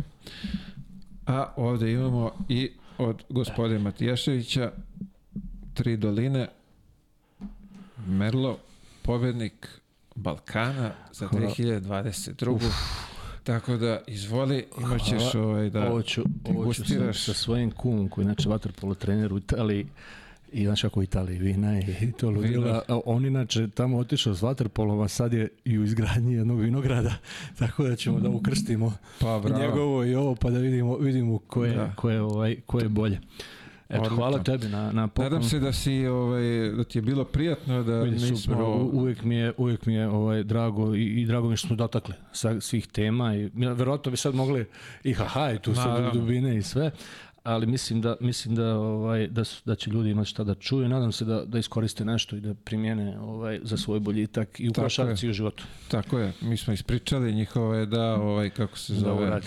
da urade to, da podsjetimo, kamp je od prva grupa, Da. ili ima negde gde mogu da potraže? Ima, ima kako će- sajt, ima, ima sajt ovaj, i možda možda da, da im posle linku nekom ili nešto ostavimo. Ima Da. sajt, ima, ima ovaj Instagram, Facebook, št- sve, sve što prati, jel? Sad Ajde još- vidjet ćemo da, Da. linkujemo to, da. Da. da, ljudi budu upućeni. Jasno. Felikse, hvala ti na izvodnom vremenu, na tvojoj priči. Želim ti puno uspeha što se i agenture tiče i privatno i kamp da to uspe da zaživi, da to bude iz godine u godinu sve bolje i bolje. I još jednom veliko hvala na izvodnom vremenu. Hvala i tebi ovaj, na pozivu i želim ti da dočekaš mnogo godina s ovim podcastom i da imaš ovde, e, e, kako ti kažem, deset puta ozbiljnije goste nego ja.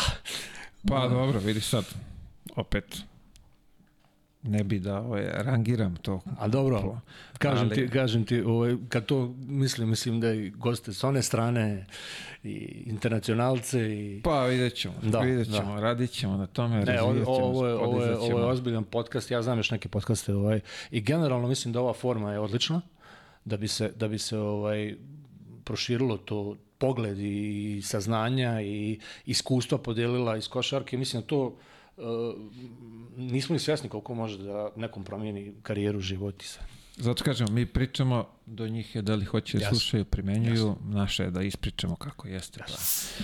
Dragi gledalci, bila je to još jedna epizodica Jao Mile podcasta. Do sledeće srede, doviđenja.